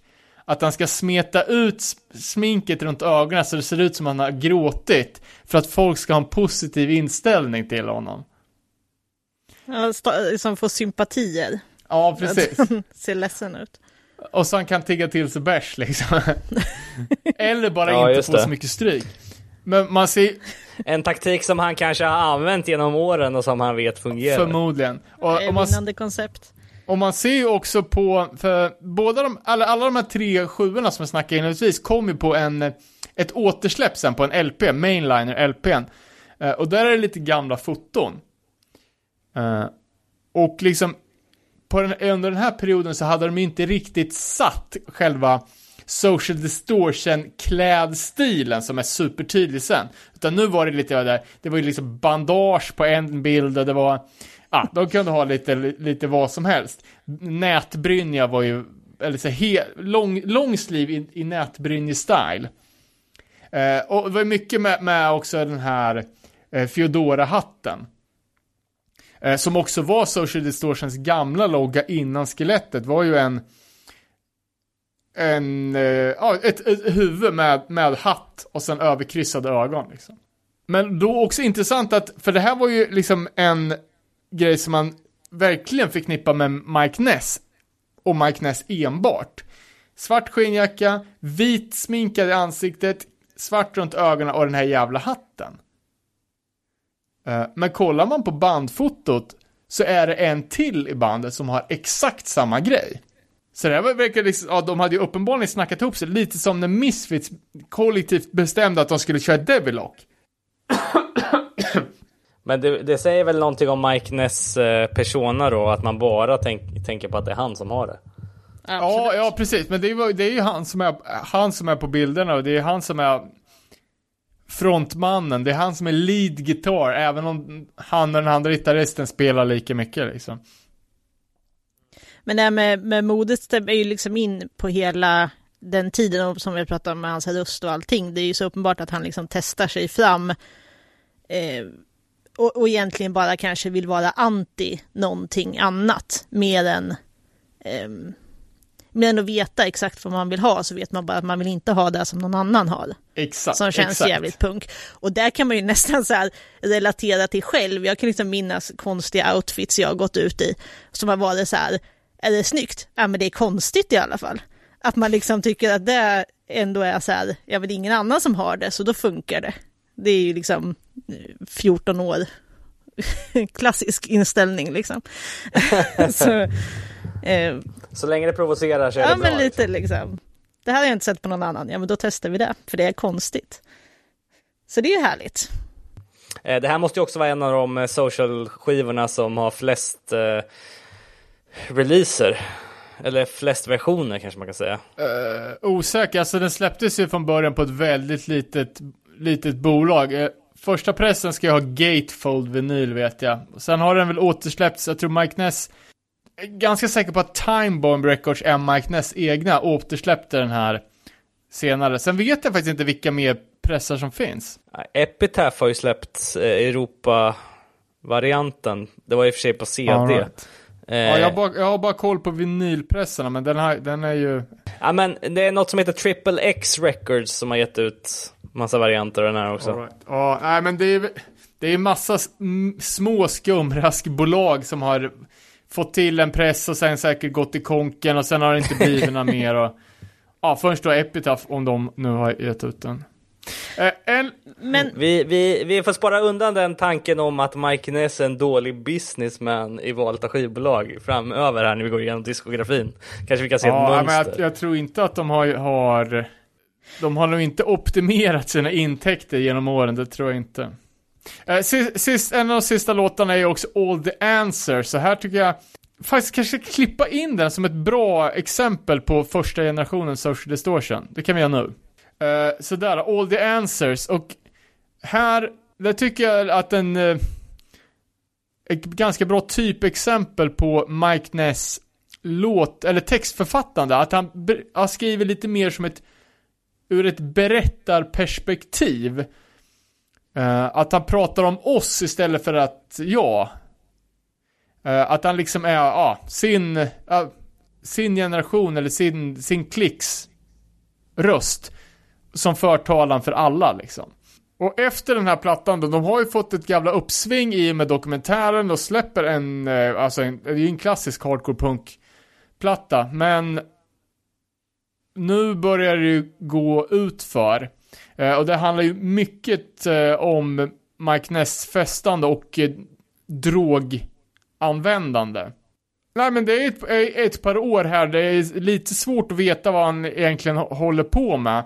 När Social Distortion var aktivt men bara liksom körde på halvfart eller om de var helt eh, nedlagda. Ja, för det är, ju, det är ju fem år mellan den här Mommy's Little Monster och eh, Prison Bound som är nästa Precis, då. och eh, han sk- skriver i, i någon intervju att 90, i oktober 85, då var han på den absoluta botten. Eh, och det var väl eh, någonstans på botten som han bestämde sig för att liksom förändra sitt liv och lägga av med, med drogerna som, alltså hans heroinmissbruk höll ju på att ta livet av honom. Och han var ute och in på rehab, så han var ute och in på kåken. Eh, Men Han är ju ändå ganska ung när han är på liksom totala botten. Jag försöker räkna i huvudet, han är född 62, hur gammal är man, hur gammal är man 85 då? 23. ja. Ja, exakt. Det är 23, tidigt i livet att vara på botten och börja för, liksom, tänka att nu måste jag förändra mitt liv. Eh, Men, men en grej som hände de här åren som jag missat totalt, det var att han spelade i ett annat band. Visste du det Lisa? Nej. Han spelade andra fiol, eller Jo. ja, han, han var inte lead, eller han var inte frontman. Skitkonstigt. I ett typ new wave slash rockabillyband som heter Easter. Råskumt. De släppte en LP och jag, fan, jag har aldrig hört talas om det här bandet förut. Men det var ganska bra. Jag trodde det var ett samarbete med honom, att han inte var, var medlem. Men Ja, för han är inte med på, på, på skivan, men han är med i videon och spelar gitarr i alla fall. ja, jag trodde han gjorde liksom ett inspel. Jaha, det kanske var därför det är så jävla märkligt Nej, att ha, vet inte. ha honom så, i ett band där han inte är frontman. Ja, verkligen. Men han säger ju också i en annan intervju som jag läste att inför den här plattan, Prison Bound, som du sa, där han festade satan eh, och han var tvungen att liksom, om jag inte ska dö nu så måste jag se på bandet som ett jobb och liksom börja, eh, börja repa och ha, en, ha ett mål med bandet liksom. Men också att han under den tiden då började lyssna jävligt mycket på det han kallar för roots music. Eh, som väl, ja jag vet inte om han då syftar till att det är så här amerikansk folkmusik. ja, man eller kan det tänka med, med blues, bluegrass, sån riktig gammalt. Ja, och det, och det, det ser man ju, de influenserna ser man ju på, på Prison Bound. Sen. Ja. Ja, eh, alltså, och Prison Bound, det handlar ju då om hans, han hade ju eh, ett par månaders eh, vistelse i fängelse där han typ bestämde sig för att göra, göra bandet och att göra det stenhårt och målmedvetet. Eh, och här sattes ju också den aningen flytande Social Distortion line-upen som skulle hålla ett bra tag. Eh, med John Mauer på bas, Eh, Dennis på gitarr och sen eh, Christopher Reese på trummor. Och det här är enligt mig deras svåra, svagaste skiva. Uh, den beskrivs ju alltid som plattan som gjorde, som ledde dem till det kommersiella genombrottet, men jag fattar inte riktigt hur det gick till. Det är ju liksom en, alltså, en lite förfinad version av LA Hardcore med mollgitarrer, slinger och klockspel och, och, och körer och sådär, men låtmässigt så... Det börjar med en- några bra i början. Ja, men jag tycker att det är en skiva som flyter ihop. Det, det känns som man lyssnar på den från början till slut och sen har man svårt att säga vad låtarna eh, liksom byter, var spåren byter egentligen. För att den är väldigt liksom, det är som en homogen skiva. De andra är lite mer att de spretar tycker jag. Ja, och det är ju ganska mycket avsaknad av, av såna här riktigt maffiga, liksom anthem-låtar också. Jag tycker hela B-sidan är rätt trött. Det är bra, men det, det är inget som sticker ut direkt. Den är ju jävligt mollig liksom. Nej, och det här var ju min första social distortion-platta. Jag förstår att det inte riktigt tog fart, mitt social-lyssnande, när jag bara hade den här. Ja, och det var också någon jävel som sa till mig typ om den här plattan att en av Socials bästa låtar, It's the Law, är med och att den typ är politisk och att den är bra. Och jag bara oj, en annan aspekt av eh, Ness. Men sen när man lyssnar på texten så bara så här. Det är ju liksom mer, det är ju fakta han rabblar upp. Det är ju liksom inte, det är ingen djup social realistisk analys. Nej, men hans texter är ju ganska prosaaktiga liksom. Det är inte så mycket svåra ord och konstiga omskrivningar, Nej, utan det är ganska rakt på det, sak. är ändå- det är ändå roligt. Det är roligt bara, it's the law, you're in jail, it's the law that sets your Ja. bail. Don't bother to try and fight, it's only a few more nights. Ja, nej men det är väl väldigt Alltså stiltypiskt sätt att skriva. Så, ja, och, och ändå så här, när man läser det rakt upp och ner så, så tycker man ju att det kanske låter lite pajigt, men det funkar ju bra i låten tycker ja jag. men speciellt om man har suttit där på, på britsen och nynnat fram det där. Och i kombination med det där gitarriffet som är i den låten med. Ja, precis. För att hela social distortion är ju att väldigt simpla ingredienser tillsammans med en, liksom en jävligt fin fingerkänsla blir jävligt mycket. Alltså låtarna är ju super Ja. basic, fast det blir ändå sjukt bra. Jag menar det, och är inte det ett jättestort problem vanligtvis att man ska hålla på och krångla till det? Eller så här, åh, kolla hur jävla bra jag är på Gura, eller liksom så här. Och så blir det inte så här, less Ja. is more. Ja, verkligen. Och sen är det ju hans röst som lyfter alltihopa, för det är jättemycket som jag har tänkt så här att det här skulle ingen annan komma undan med. Mycket saker som jag liksom eh, helt köper när, eh, när han gör det eller när de gör det, men som jag inte skulle låta passera om andra gör. Ja, men så här, man kan tycka att det låter pajigt eller eh, liksom egentligen bara så här Ja men mycket som känns klyschigt, så får man tänka att det var tidigt så att det var inte klyschigt när de gjorde det. Men eh, att de döpte en skiva till Sex, Love and Rock'n'Roll skulle inte jag köpa från något annat band liksom. Men så gör de det svinbra. Hade du gått upp till Mike Ness och kritiserat honom för det så hade han slagit dig på käften utan att blinka liksom. Det är ju det som gör att man gillar honom. absolut. Ja, men på något vis så kommer de undan med mycket och, och mycket liksom melodier och sådär som är jäkligt simpla. Men med hans röst så blir det Ja, så. nej men det är ju så här barn, det är ju barnmelodier, är ju gitarrslängen liksom. Mm. Eh, och det är ju alltså ett sjukt intetsägande omslag. Det är ju helt grått. Det här är ju någon så här förhistorisk eh, dataanimation typ på en, alltså tänk en betongvägg i en fängelsecell där någon har sitter och skre- karvat ut social distortion. Eh, nej, prison bound står det i karvat. Eh, och sen är det typ en schablonspräd social distortion, men det är ju bara ett helt grått omslag. Piss, tråkigt liksom. Eh, men det är intressant då, för den här, den här plattan var ju, den är ju släppt på, eh, på ett indiebolag. Eh, men de började ju turnera. Och det var ju turnerandet som, som gjorde att de då hookades upp på skivbolagsjätten Epic. Epic som vid den här tiden hade artister som Michael Jackson, Cyndi Lauper, Europe, men även faktiskt The Clash och Ja, och Joe Strummers soloprojekt. Eh, och även eh, Merle Haggard. Eh, Country-legenden. Eh, och eh, uh, Suicide Tendencies låg ju också på Epic. Så att det, det fanns ju, även fast det fanns, alltså Michael Jackson 1988 måste jag ha varit världens största artist. Så hade de ändå punk och hardcoreband knutna till labeln. Men det är konstigt alltså som vad, om man tänker sig ur Epics synvinkel, varför skulle de signa upp det här bandet? Alltså en ganska med, medelmåttig platta, ett litet sketet punkband Alltså, Social Distortion har kanske sålt totalt 10 000 ex till den här punkten.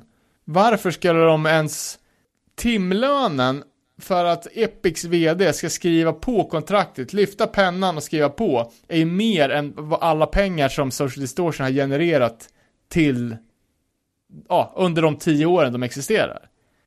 Eh, jag och Lisa diskuterade lite liksom var, var, om det var något annat som kom det året som kunde liksom haft det, ja, om det var liksom någon punk-hype.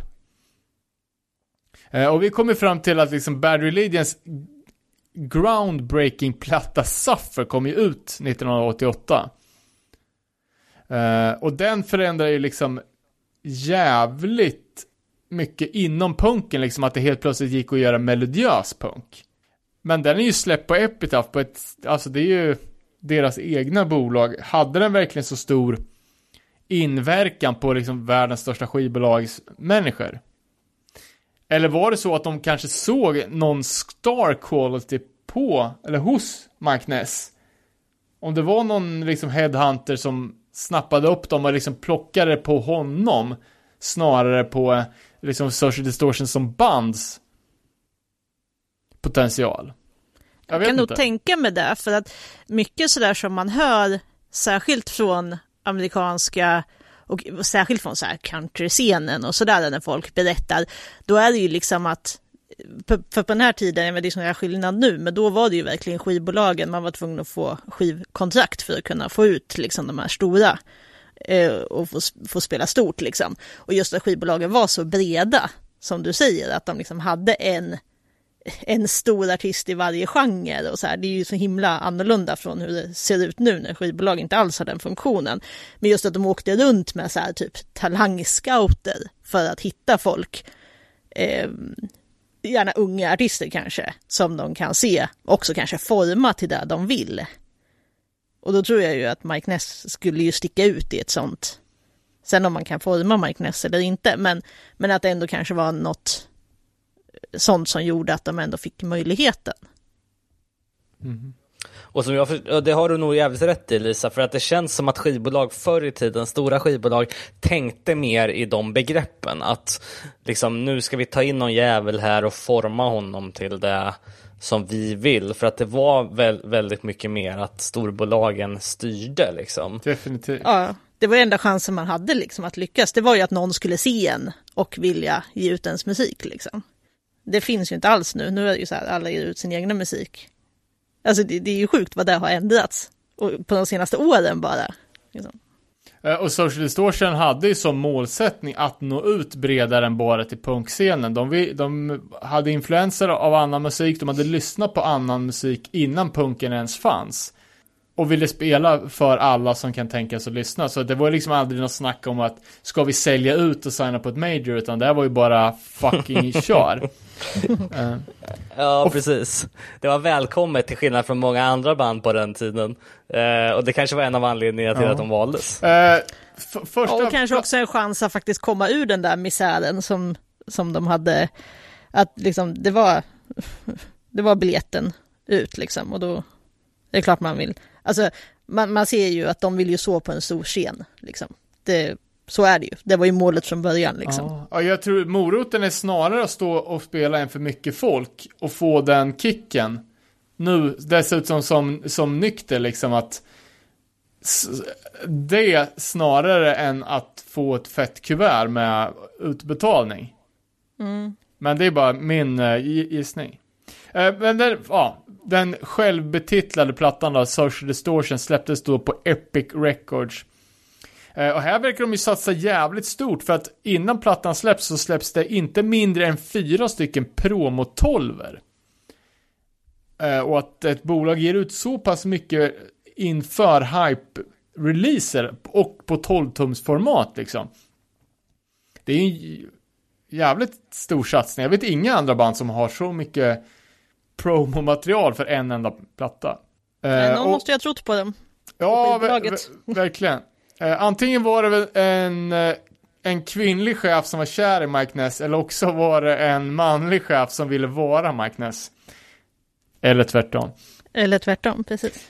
Eh, men som, som liksom, även om det går en röd tråd genom hela Social Distortions karriär ljudmässigt, så från en skiva till en annan så byts det alltid ljud. Eller overall sound. Eh, om Prison Bound var ganska mörk och deppig, gloomy vibe så är ju den här mycket lättare ljudbild. Jävligt mycket lättare. Eh, och Mike Ness säger själv liksom att, ja men, jag är från den första generationens punk och, och när vi började spela så var det meningen att man skulle ha sitt eget sound. Eh, så ger han lite exempel på band som lät olika liksom. Men det här tycker jag, alltså, är det inte en, en jävligt klassisk bortförklaring när man har antagit ett softare sound? Att bara, ja men, det, så, det är så viktigt att man ska låta annorlunda. Men är det inte alltid så att band som säger det har, har gått från hårdare till softare?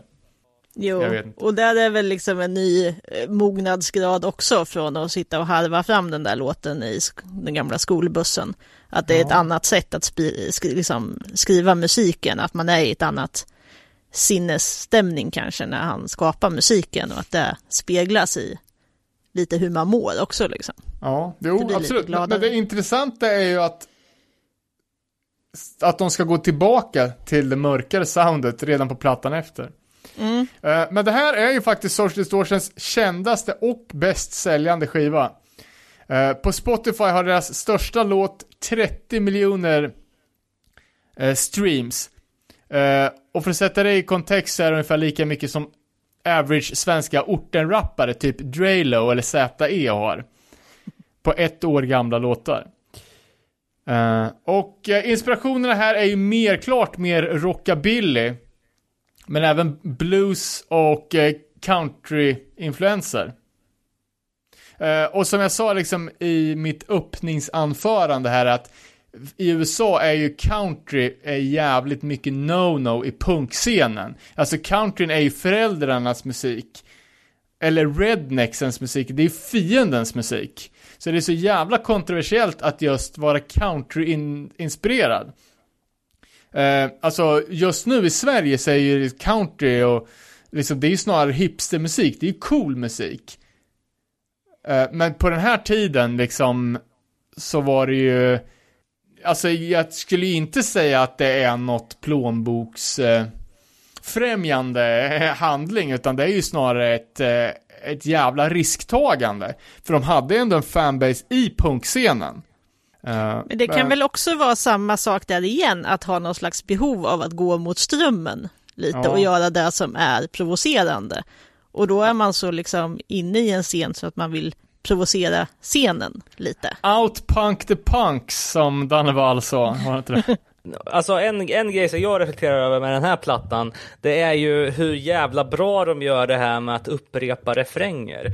Det gör de ju redan från början i öppningsspåret liksom, So far away. Eh, Att, att, eh, alltså det, det på, på, något sätt, det är därför man eh, liksom man, man gillar punklåtar oftast för att de är en, en och en halv minut och sen så är det refrängen en gång och så lyssnar man på dem hundra gånger. För man egentligen vill att låten ska vara tre minuter lång och, och refrängen ska upprepas. Men här har man ju med sig det redan från Nej början. men grejen är, är ju att, så- alltså, jag vet kan det ha varit ett krav från Major Label, liksom att man skulle ha normal längd på låtarna? Och inte 30 sekunders punklåt. Men på den här plattan så snittar låtarna på fyra minuter. Eh, och det liksom i kombination med att de är så otroligt simpla.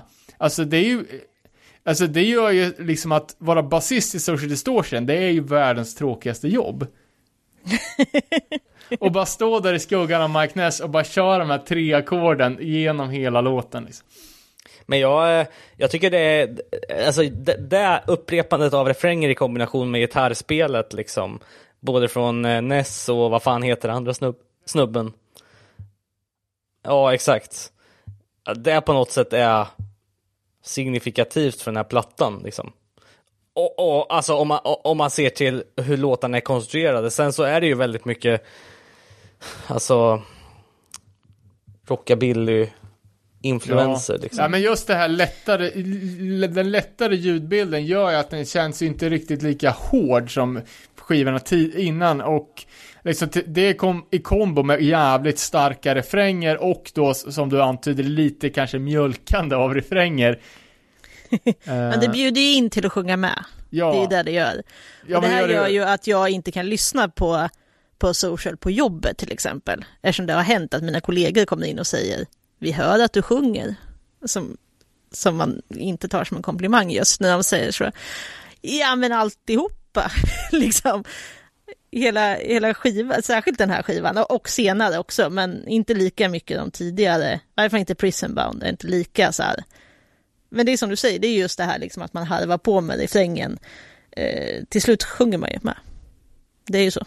Exakt, man, man lär sig, eller man hör refrängen första varianten, eller första, van, första vändan. Man lär sig den andra vändan och man sjunger med i tredje vändan. Och femte och sjätte vändan. Stör man bara chefen. Men den här skivan tycker jag mer än någon annan egentligen liksom definierar Social Distortion som mer än ett band, än liksom ett, en musik. Det här sätter liksom konceptet Social Distortion eh, alltså med låten till exempel Sick Boys som liksom då Mm. pinpointar vilken stil det är som de, de har hittat nu då. Och det är liksom fade blue jeans, black leather jacket scene och det är tattoos och switchblade knife, alltså det blir någon så här Det är eh, signum lite.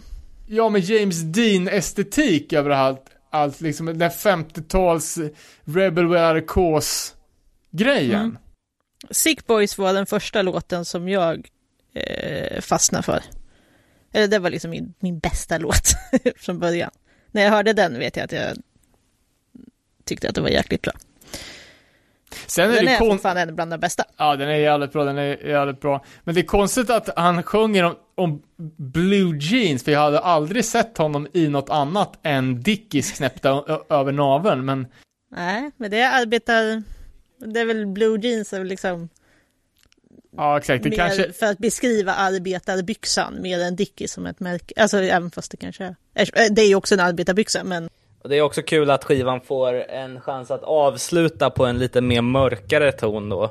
Kanske lite hintande om vad som komma skall i låten Drug ja, det här är ju vad som har, som har varit. Alltså allt från 85 och framåt handlar ju typ i, i princip om Mike Ness eh, drogberoende och frihet från droger. Man läser intervjuer så har det påverkat honom otroligt mycket. Eh, just att, att vara på väg att knarka ihjäl sig.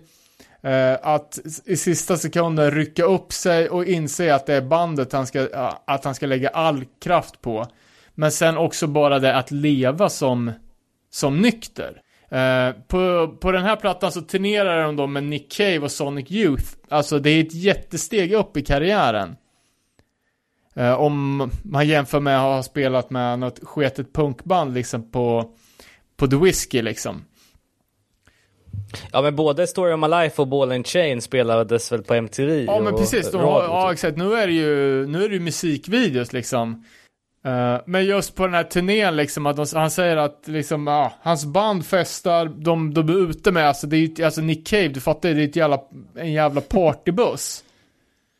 Uh, men eh, varje dag efter gigget så går han upp själv på, på hotellrummet och försöker skriva en låt och hålla sig borta från att gå ner till festen. Eh, och kanske då odlar sin mytbild liksom. exakt vad jag skulle komma till. För det är ju så här, där man hör det är en jävligt skum person som håller sig för sig själv. är ju liksom en beskrivning av honom. Och det kan man ju förstå, i, alltså tufft att vara ute i de sammanhangen och hålla sig nykter.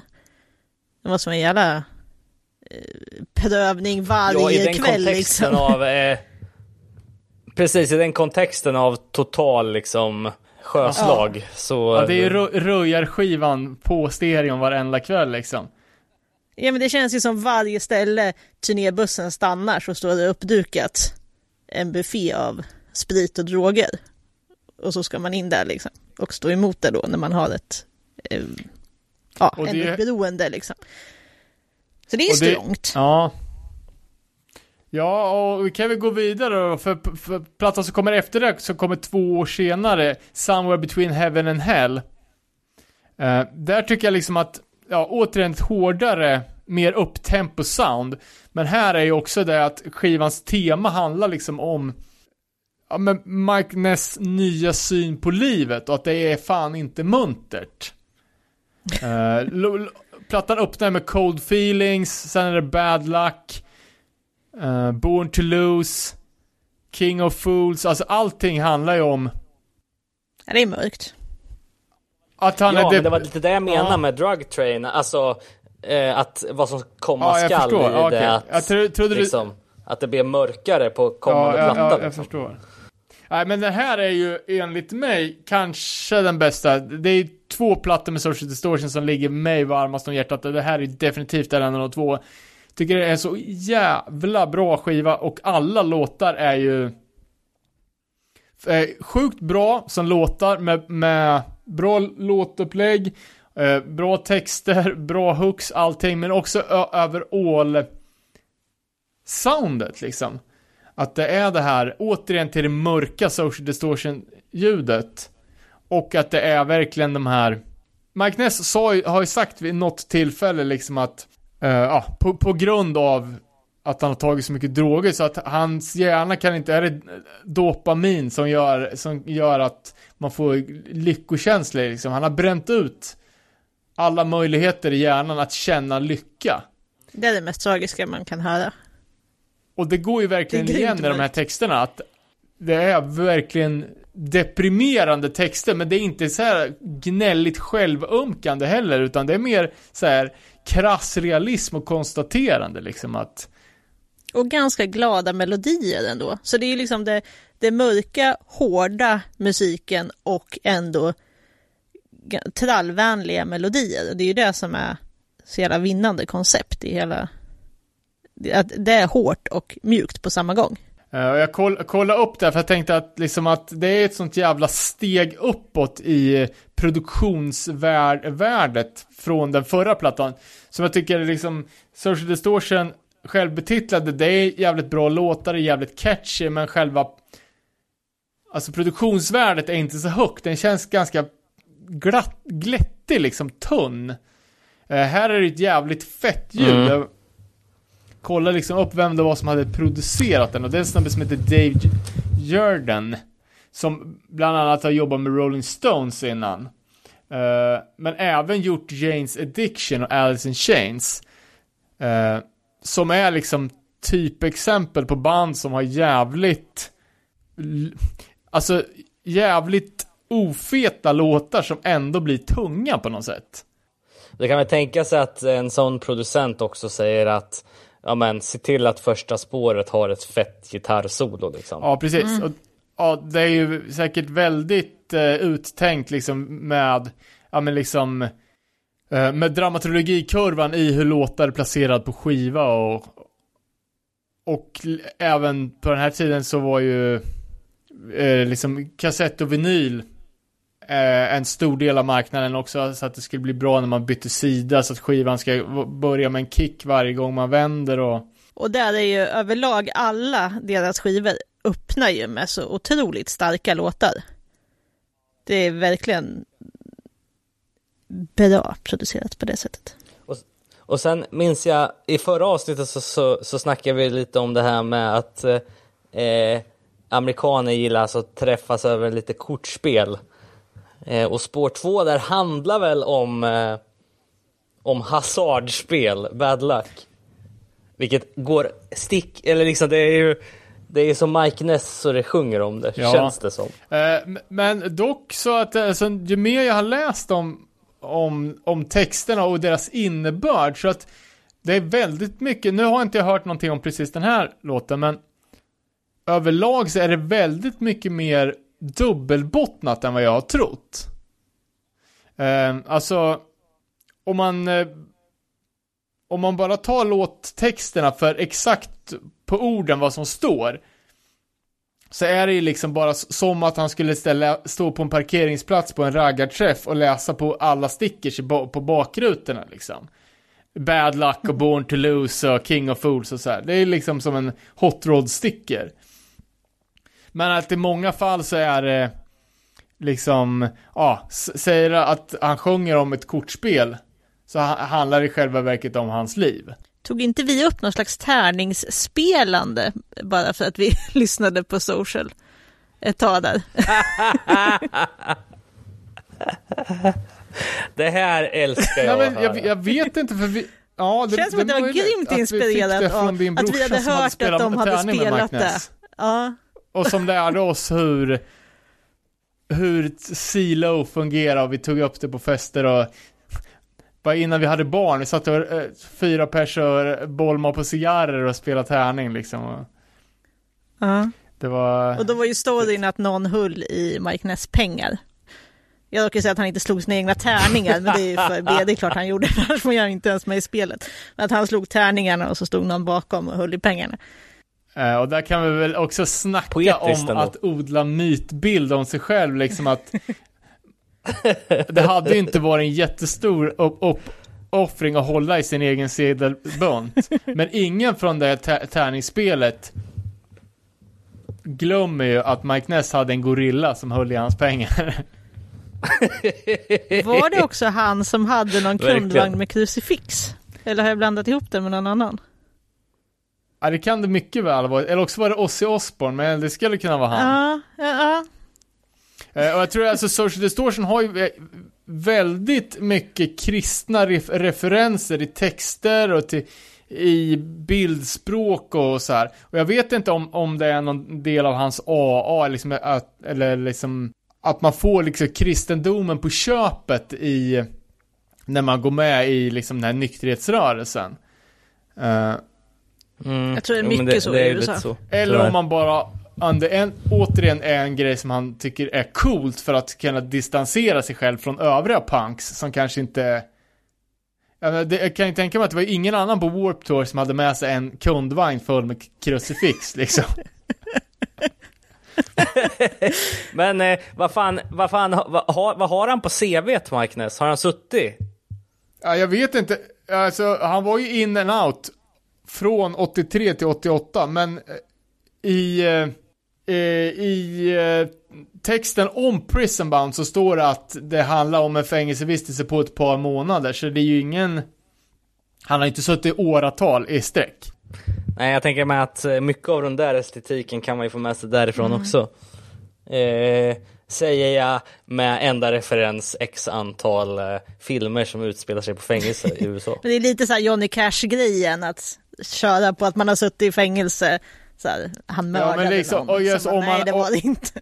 Nej men om man är så också så eh, influerad av eh, liksom countrymusik och Alltså den scenen är ju Kristens bara sjunger om. Alltså, fan Hank Williams hade ju till och med ett sidoprojekt som bara körde kristna låtar liksom, så att det är ju Luke the Drifter, svinbra. Men det är också så här typ, lika mycket som att, eh, att vara eh, i liksom hardcore-scenen eller straight edge-scenen innebär att du ska ha liksom eh, tatueringar och, och, och five panel eller vad det nu kan vara.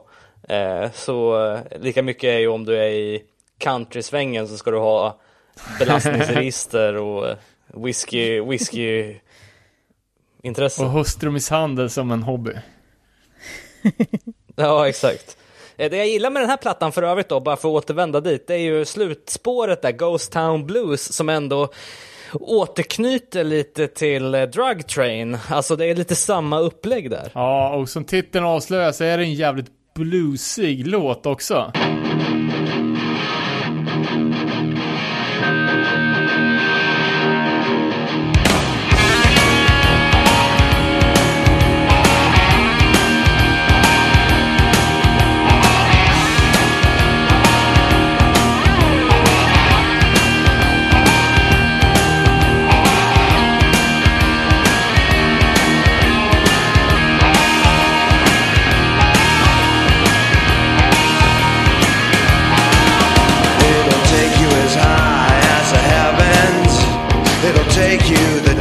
somehow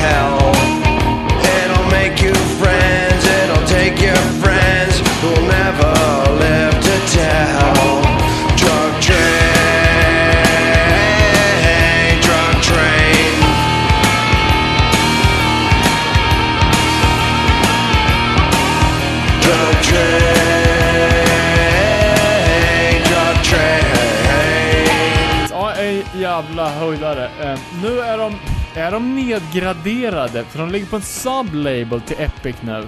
Den tredje plattan i den här serien av eh, Major Label-plattor som kom på mitten på 90-talet. 550 Records. Har de gjort några eh, line-up-ändringar inför den här eller? Eh, ja, eh, nu har trummisen slutat och det här är lite kul. För att på skivan så står det att Chuck Biscuits spelar trummor. Eh, känd från ja, Black Flag Dancing med mera. Eh, men när jag läste lite om det här så är det faktiskt en annan snubbe som trummar. Eh, och det var alltså, om ni känner till den här rockbandet Journey. Det är hans, Va? ja, det är deras trummis som spelar, men på skivan så står det Chuck Biscuits. Eh, och återigen ett extremt fett produktionsljud. Eh, och bakom det här så är det en snubbe som heter Michael Beinhorn. eh, som beskrivs som en big time Grammy winning rock producer. Eh, och under, eh, under sitt bälte så har han ju då precis jobbat med Soundgarden och plattan Super Unknown. Eh, och den inte helt okända låten Black Hole Sun. Eh, och där kanske är världsrekordet i att förvandla en tunn låt till fläsk. Ja, det lyckas de ju med. Absolut. Eh, och eh, eh, den här Michael då, han, efter den här plattan så gjorde han även Celebrity Skin med Hole och Mechanical Animals med Marilyn Manson. Eh, så han är ju liksom där big time, alltså med, ja men typ de största rockalbumen av 90-talet. Eh, och han verkar göra ett jävligt eh, bra jobb för att det här är ju guld. Ja, det är nästan inga, det, det är back to the roots liksom, hardcore punk med, med liksom nästan inget av det här eh, liksom rockabilly-soundet. Nej, verkligen inte. Och det är ovanligt för ett, ett band att, vad fan är det här, femte fullängden, liksom komma tillbaka och vara hårdare. Det har ju bara, jag vet inte, vem har gjort det liksom? Eh, men intressant här då som jag, som jag stötte på. Eh, inspelningen sköttes av en som heter John Suarez. Eh, also known as John Travis. Han har jobbat med Monster Magnet, Sugar Ray, Suicide Silence bland annat. Och gjort en skiva med, tillsammans med Kid Rock. Eh, men den här snubben, det, det är hans bio så står det bara, ja men han var tidigare involverad i anarkopunk-scenen i London. Eh, och spelade med ett band som heter The Postals. Eh, ett postpunkband där. Eh, och, hör och häpna, vem spelar inte i det bandet också? Om inte Statementmannen, Hardline Rat. Åh fan! Liten värld alltså.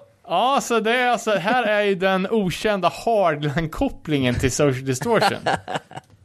Världarna möts. Helvete! Visst ser du. Eh, som sagt, ljudmässigt är det jävligt mustigt och fylligt. Får jag, Eh, och- får jag, får jag sticka ja. in med en, en observation då? Det är ju att återigen så får Dennis Danell lägga det här patenterade upp, eh, solot i öppningsspåret. Igen! Det är vinnande. Det är också en Ja, jävla är banger till öppningsspår, Dear Lover. Ja, ja det är Ja, den, den är- bästa. ehm, alltså sjukt bra låt. Det är en sån här låt som det nästan gör så här ont i en när man lyssnar på för att, för att man kan inte riktigt tycka att det är så bra. Så, inte tillräckligt bra liksom. Så man spelar för någon och den inte förstår att det är bra så blir man så upprörd. det är den känslan på den låten.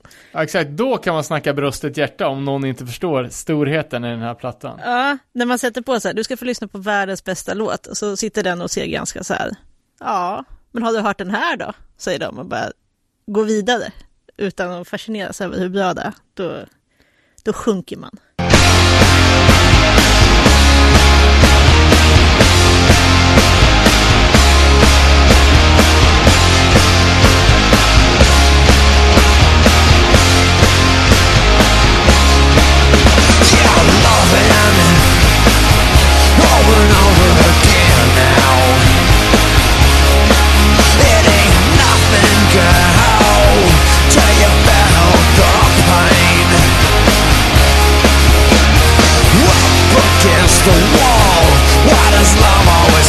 heart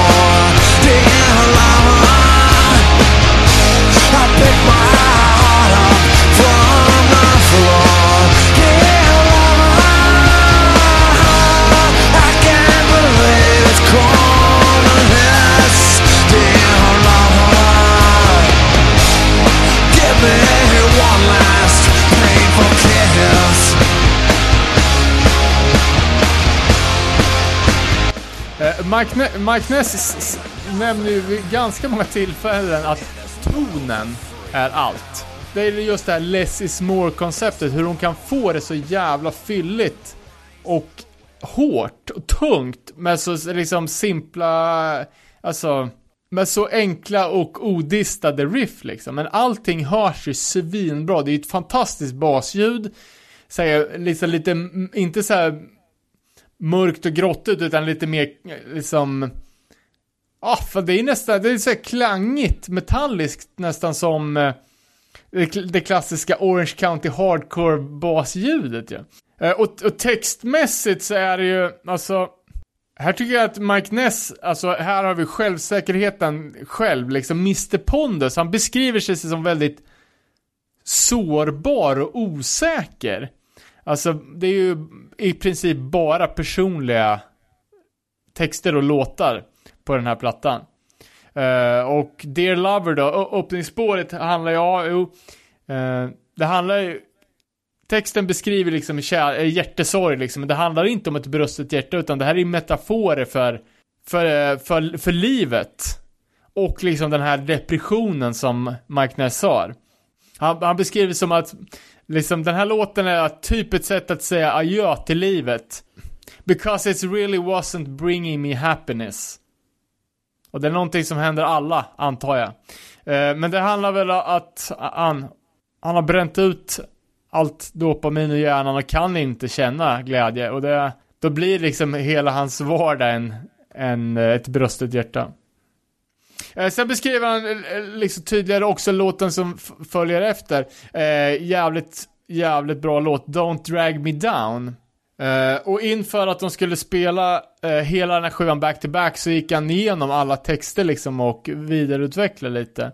Eh, och intressant att den här låten hade, eh, den är, liksom på ytan så kan man tänka att han tar upp lite olika liksom, äh, äh, det är lite politisk kommentar på liksom, äh, media blitz gonna blind their eyes och du vet, äh, Children are born to hate, parents just couldn't wait. Det är liksom lite allmängiltigt eh, om samhället.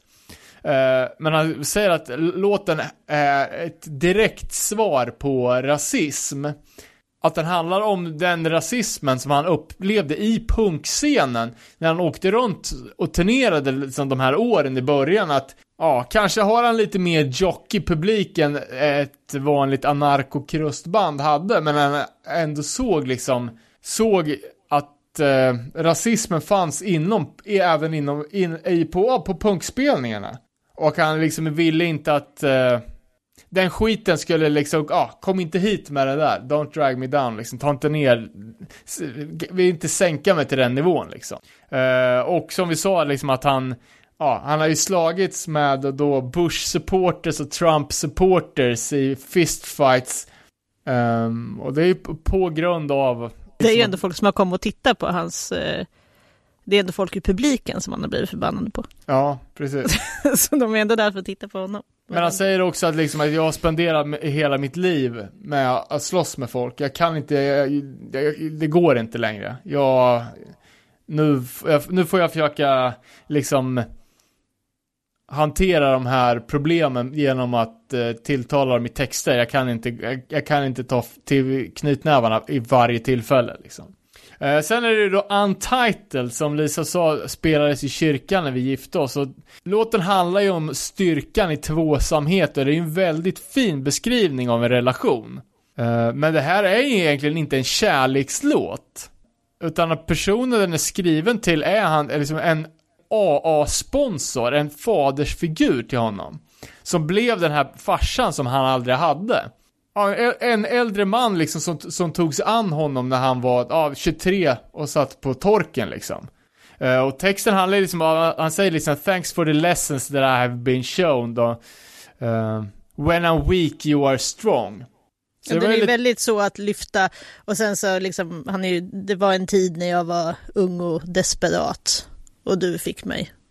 Ja, Tanken, Jo, men alltså- Om det är ordagrant, men Ja. Eh. Nej, men det, den är ju väldigt skickligt skriven på så sätt att i orden så är det ju en, ja som sagt en jättefin beskrivning av en relation och styrkan i att vara två.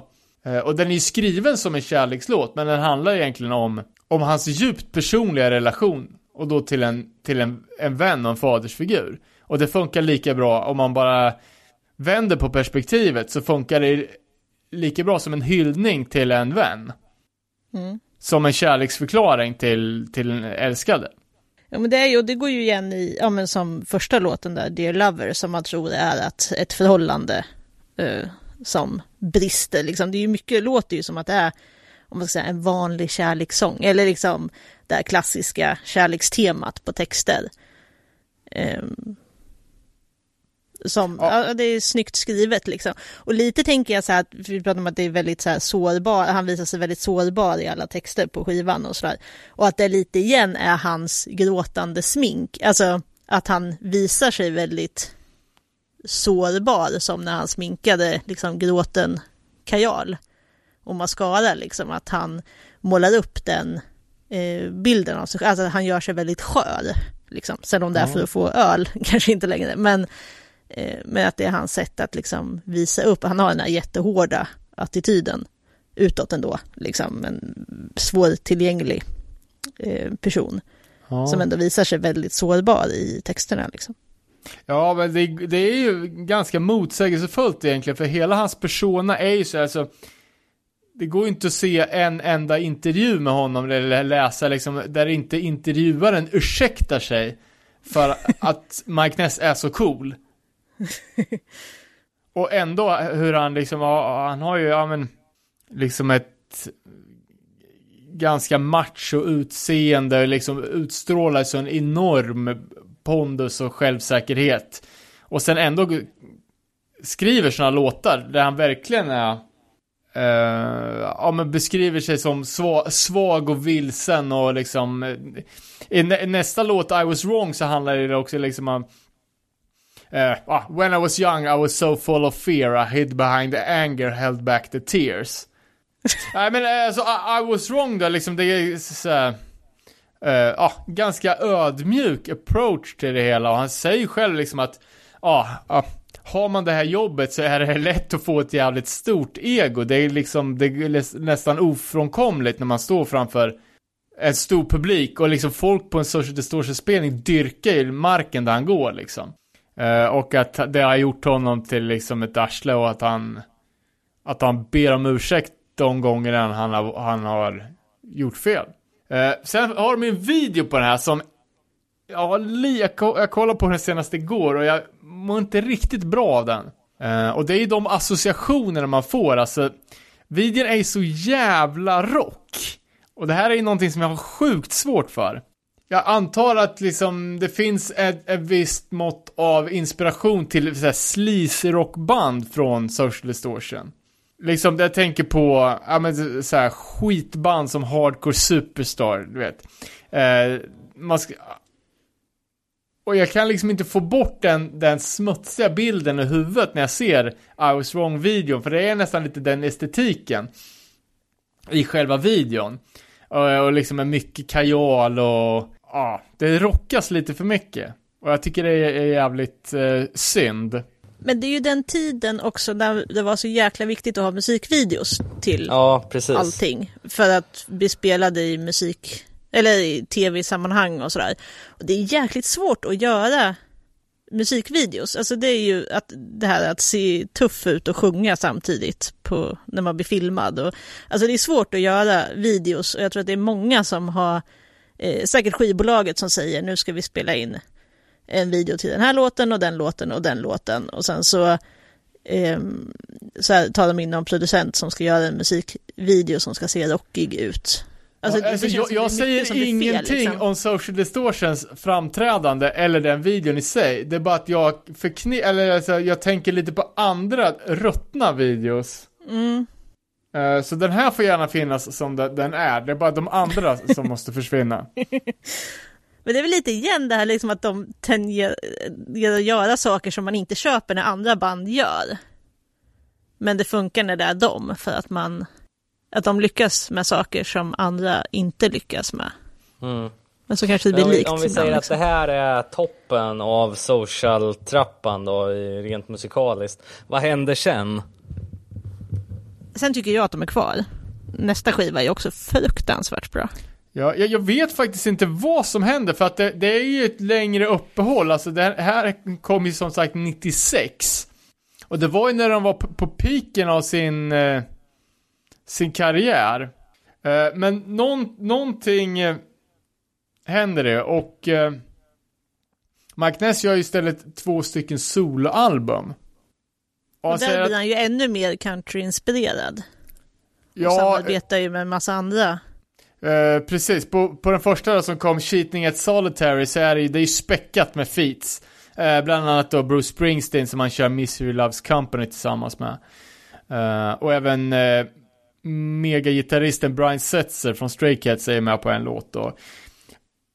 Och här har det plockats in massa andra instrument, alltså stilgitarr och andra konstiga stringinstrument, klaviatur, saxofon, Eh, som man liksom inte kan få in i en punklåt kanske. Eh, men jag tycker att de här skivorna är skitbra också. Återigen jättestarkt öppningsspår. Eh, precis, och på, på eh, första Mike Ness solplattan, Devil in Miss Jones, är ju typ det Ja, det är ju den bästa låten. Så även fast hälften av låtarna är covers på den här skivan och alla låtar är covers på den andra plattan så är det ju hans egna låtar som är bäst, helt objektivt faktiskt. Eh, och även Mystery Loves Company som han gör med Bruce då, så är ju också skitbra, det är ju Mike Ness-låt. Mm, jag tycker ju att den är bra fast alltså, man hör ju skillnaden i rösterna och då är väl ändå Bruce Springsteen någon som är ganska känd för, för att ha en, ja, en bra röst. Karaktäristisk Jag tror du skulle säga att han var känd är- för, jag tror du skulle säga att han var känd för att ha en bra röv. Ja, Är det inte det? Han, han, när han står med sin Men- jeans bak på ja absolut. Run Och ändå och sticker Mike alla, Ness alla tanter fuktar till sig. Ja. Ja, trots bra- Bruce röv så sticker ändå Mike Ness ut och är liksom stjärnan i låten. Helt klart. Det blir tydligt när man jämför deras röster, eller liksom när man hör att eh, mm, det är en klass för sig. Eh, och här är en detalj som bara skivnördar kommer förstå, men uh, läste lite kritik mot Social Distortion, att ja, de gör bara covers. Och ja, Social har ju en, en cover per album i snitt. Eh, och eh, uh, Mike Ness solplattor är ju jävligt mycket omarbetningar på covers här. Men då, kritiken var ju då att, ja men de gör bara de kändaste låtarna med de kändaste artisterna. Eh, och det var väl kanske baserat på Ring of Fire som är väl June Carters låt från början, men som Johnny Cash gjorde stor. Och, eh, och så, här, så jag bara kollade lite så här, vad är det för personer den här har gjort covers på egentligen?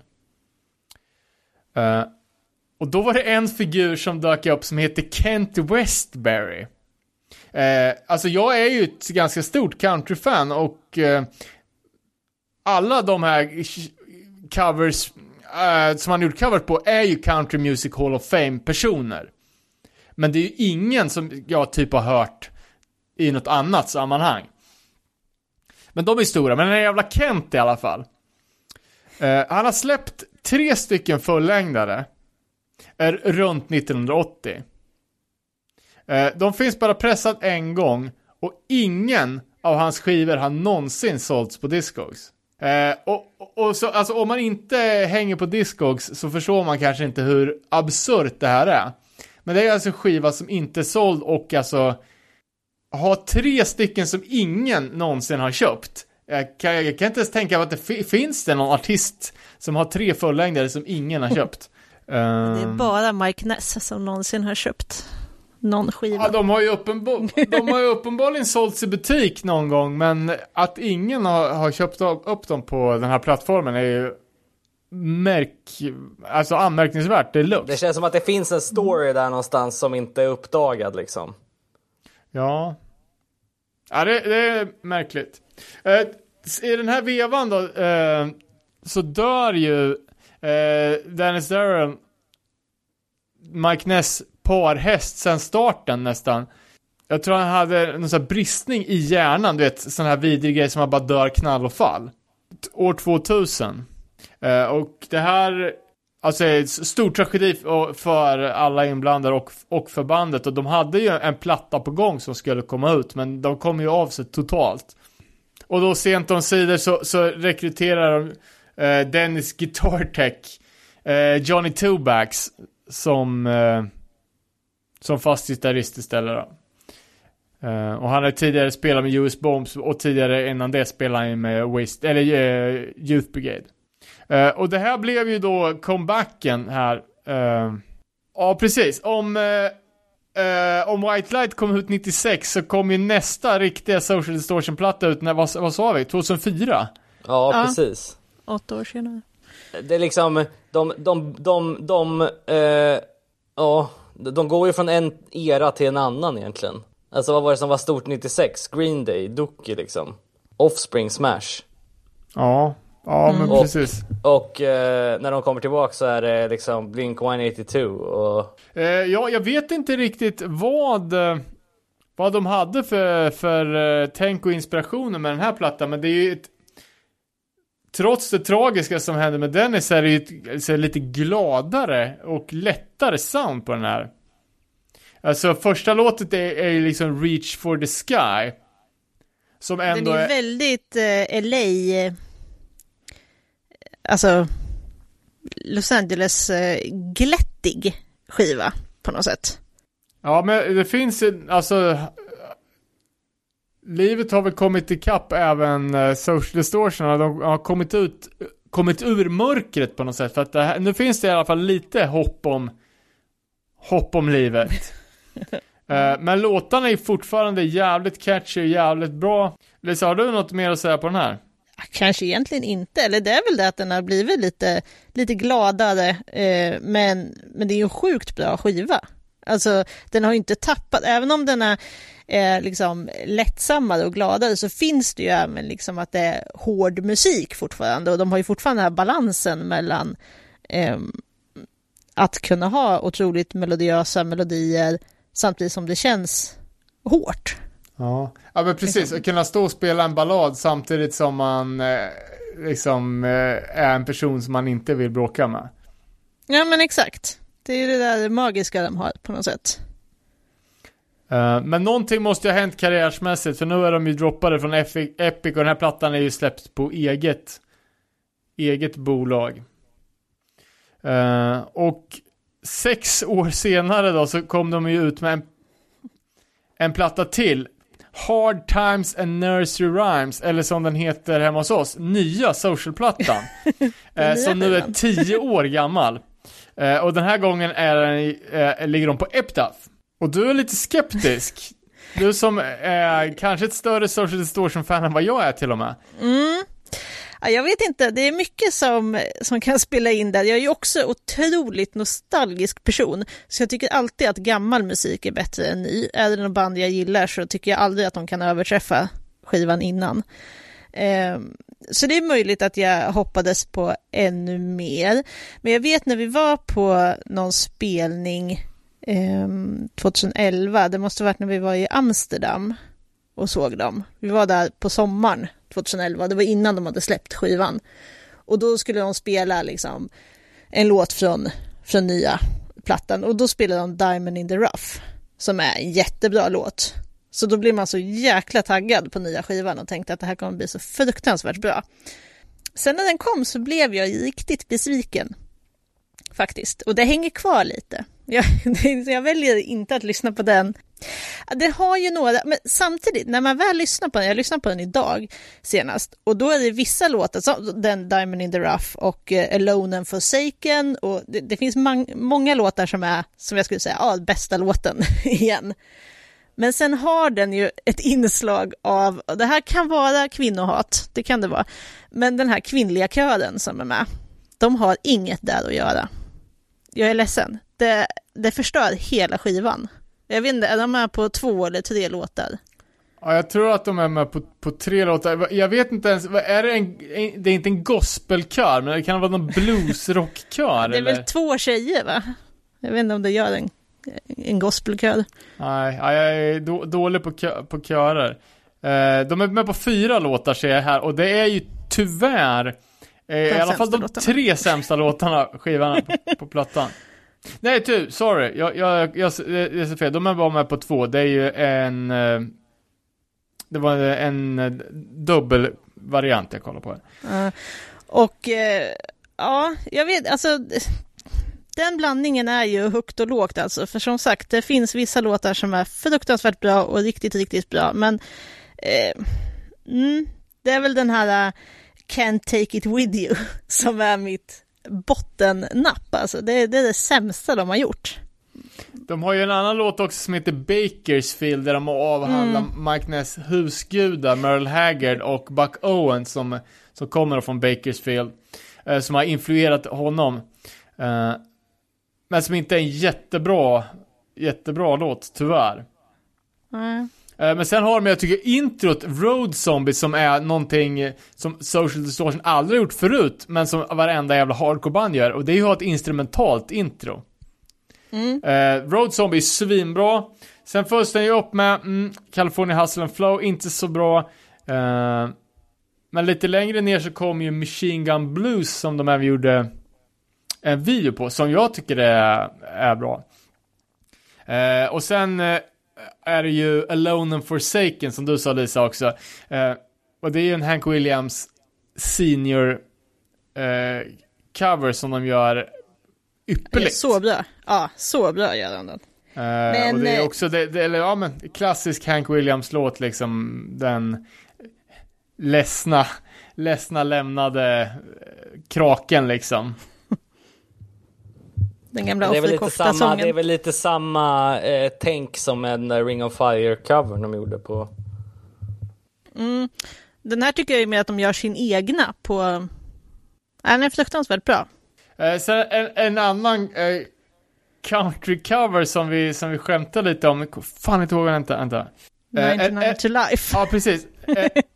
Eh, eh, som också, det är så typisk, typisk country att eh, skriva en låt om att man har slagit ihjäl frun. Men att det hela handlar om att det är mest synd om en själv. Man känner sig lite deppig för att man råkar slå ihjäl frun och nu får man kanske sitta i, i 99 år i fängelse. Ja, exakt. Stackars, stackars mig. det är den så kallade behu, behu-genren. Uh, ja, jag vet, jag vet inte, ska vi försöka sammanfatta det hela? Ja, alltså eh, det var kul att ge de här skivorna en ny chans måste jag säga. Sen så eh, har vi ju inte berört Ness eh, solokarriär direkt, men jag vet inte hur den står sig i relation till bandets popularitet som helhet. Men... Ja, jag, och jag, vad som jag, ligger det, i framtiden. Det är, jag tror hans solplatta är mer som ett komplement till Social Distortion som band. Jag tror att... Okej, okay, han är väldigt tydlig frontperson, men det är ju... Uh, det är ju Social Distortion som är det stora.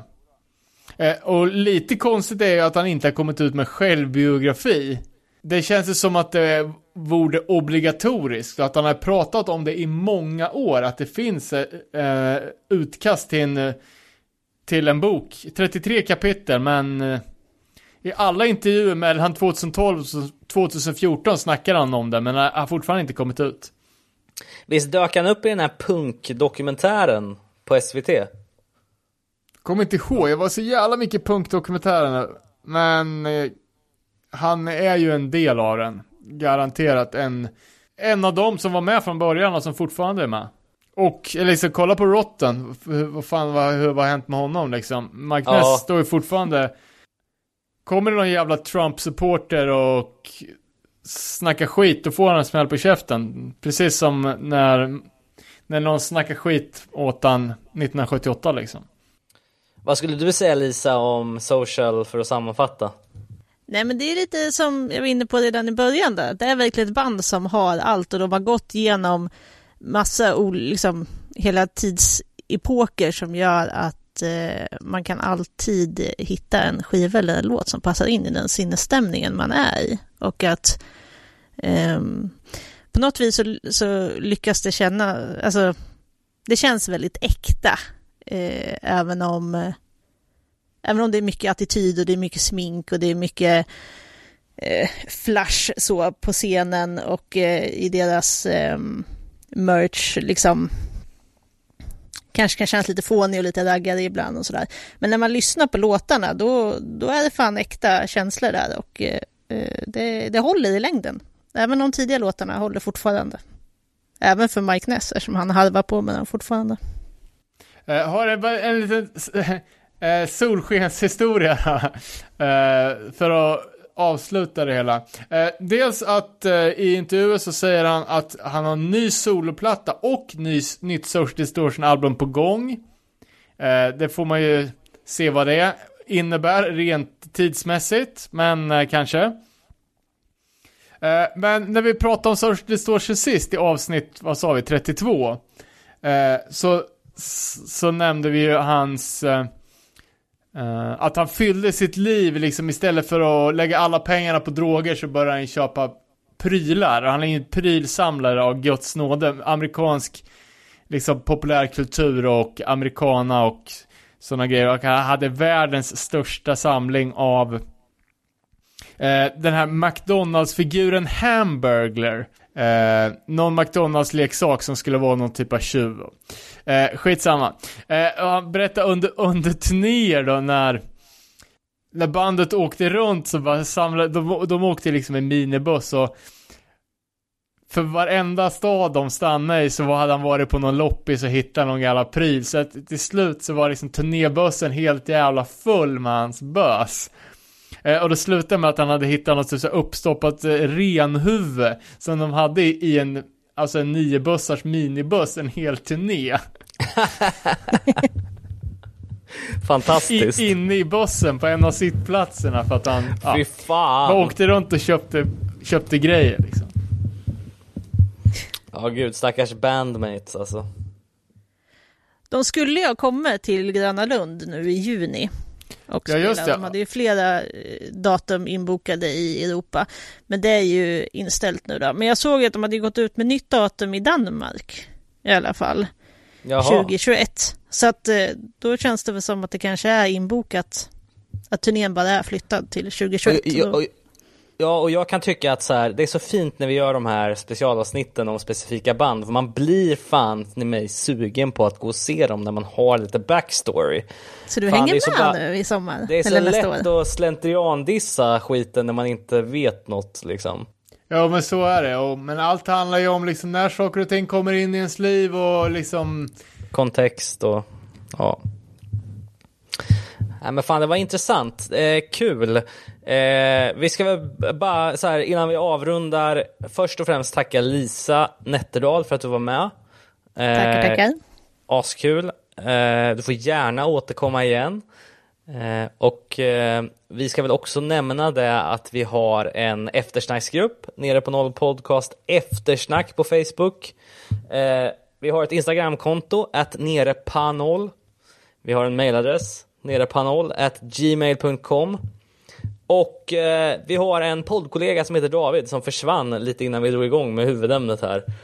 Eh, men eh, han är tillbaka i nästa avsnitt igen och vi får väl se vad vi arbetar oss igenom då. Eh, kanske gör vi till och med avsnittet tillsammans på plats. Vi får se hur Ja, det var kul. Det var världsläget är. länge sedan. Eh, vi har ju en rolig idé till nästa avsnitt och det hoppas jag att vi kan göra. Och det är ju första gången vi går igenom en platta på ett helt avsnitt. Det blir jävligt kul. Det hoppas jag på. Eh, men stort tack för att ni hänger med oss i de här eh, eh, annorlunda tiderna och sen hörs vi igen om två veckor. Fan, ha det bra! Hej då!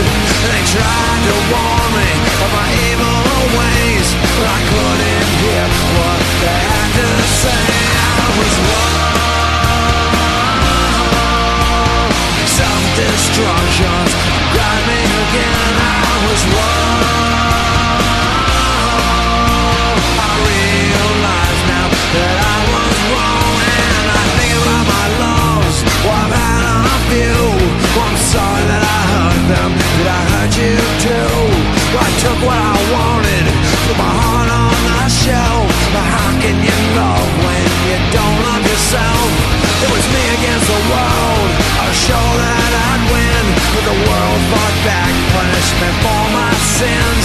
And they tried to warn me of my evil ways But I couldn't hear what they had to say. I was wrong. Self destructions got me again. I was wrong.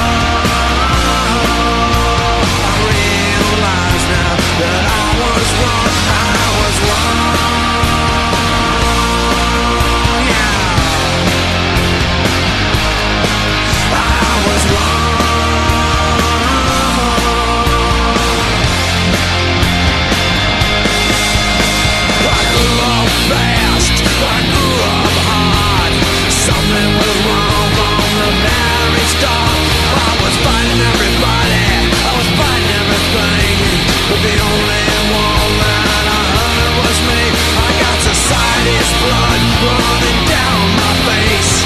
Somebody help out of this place. Someone's bad luck last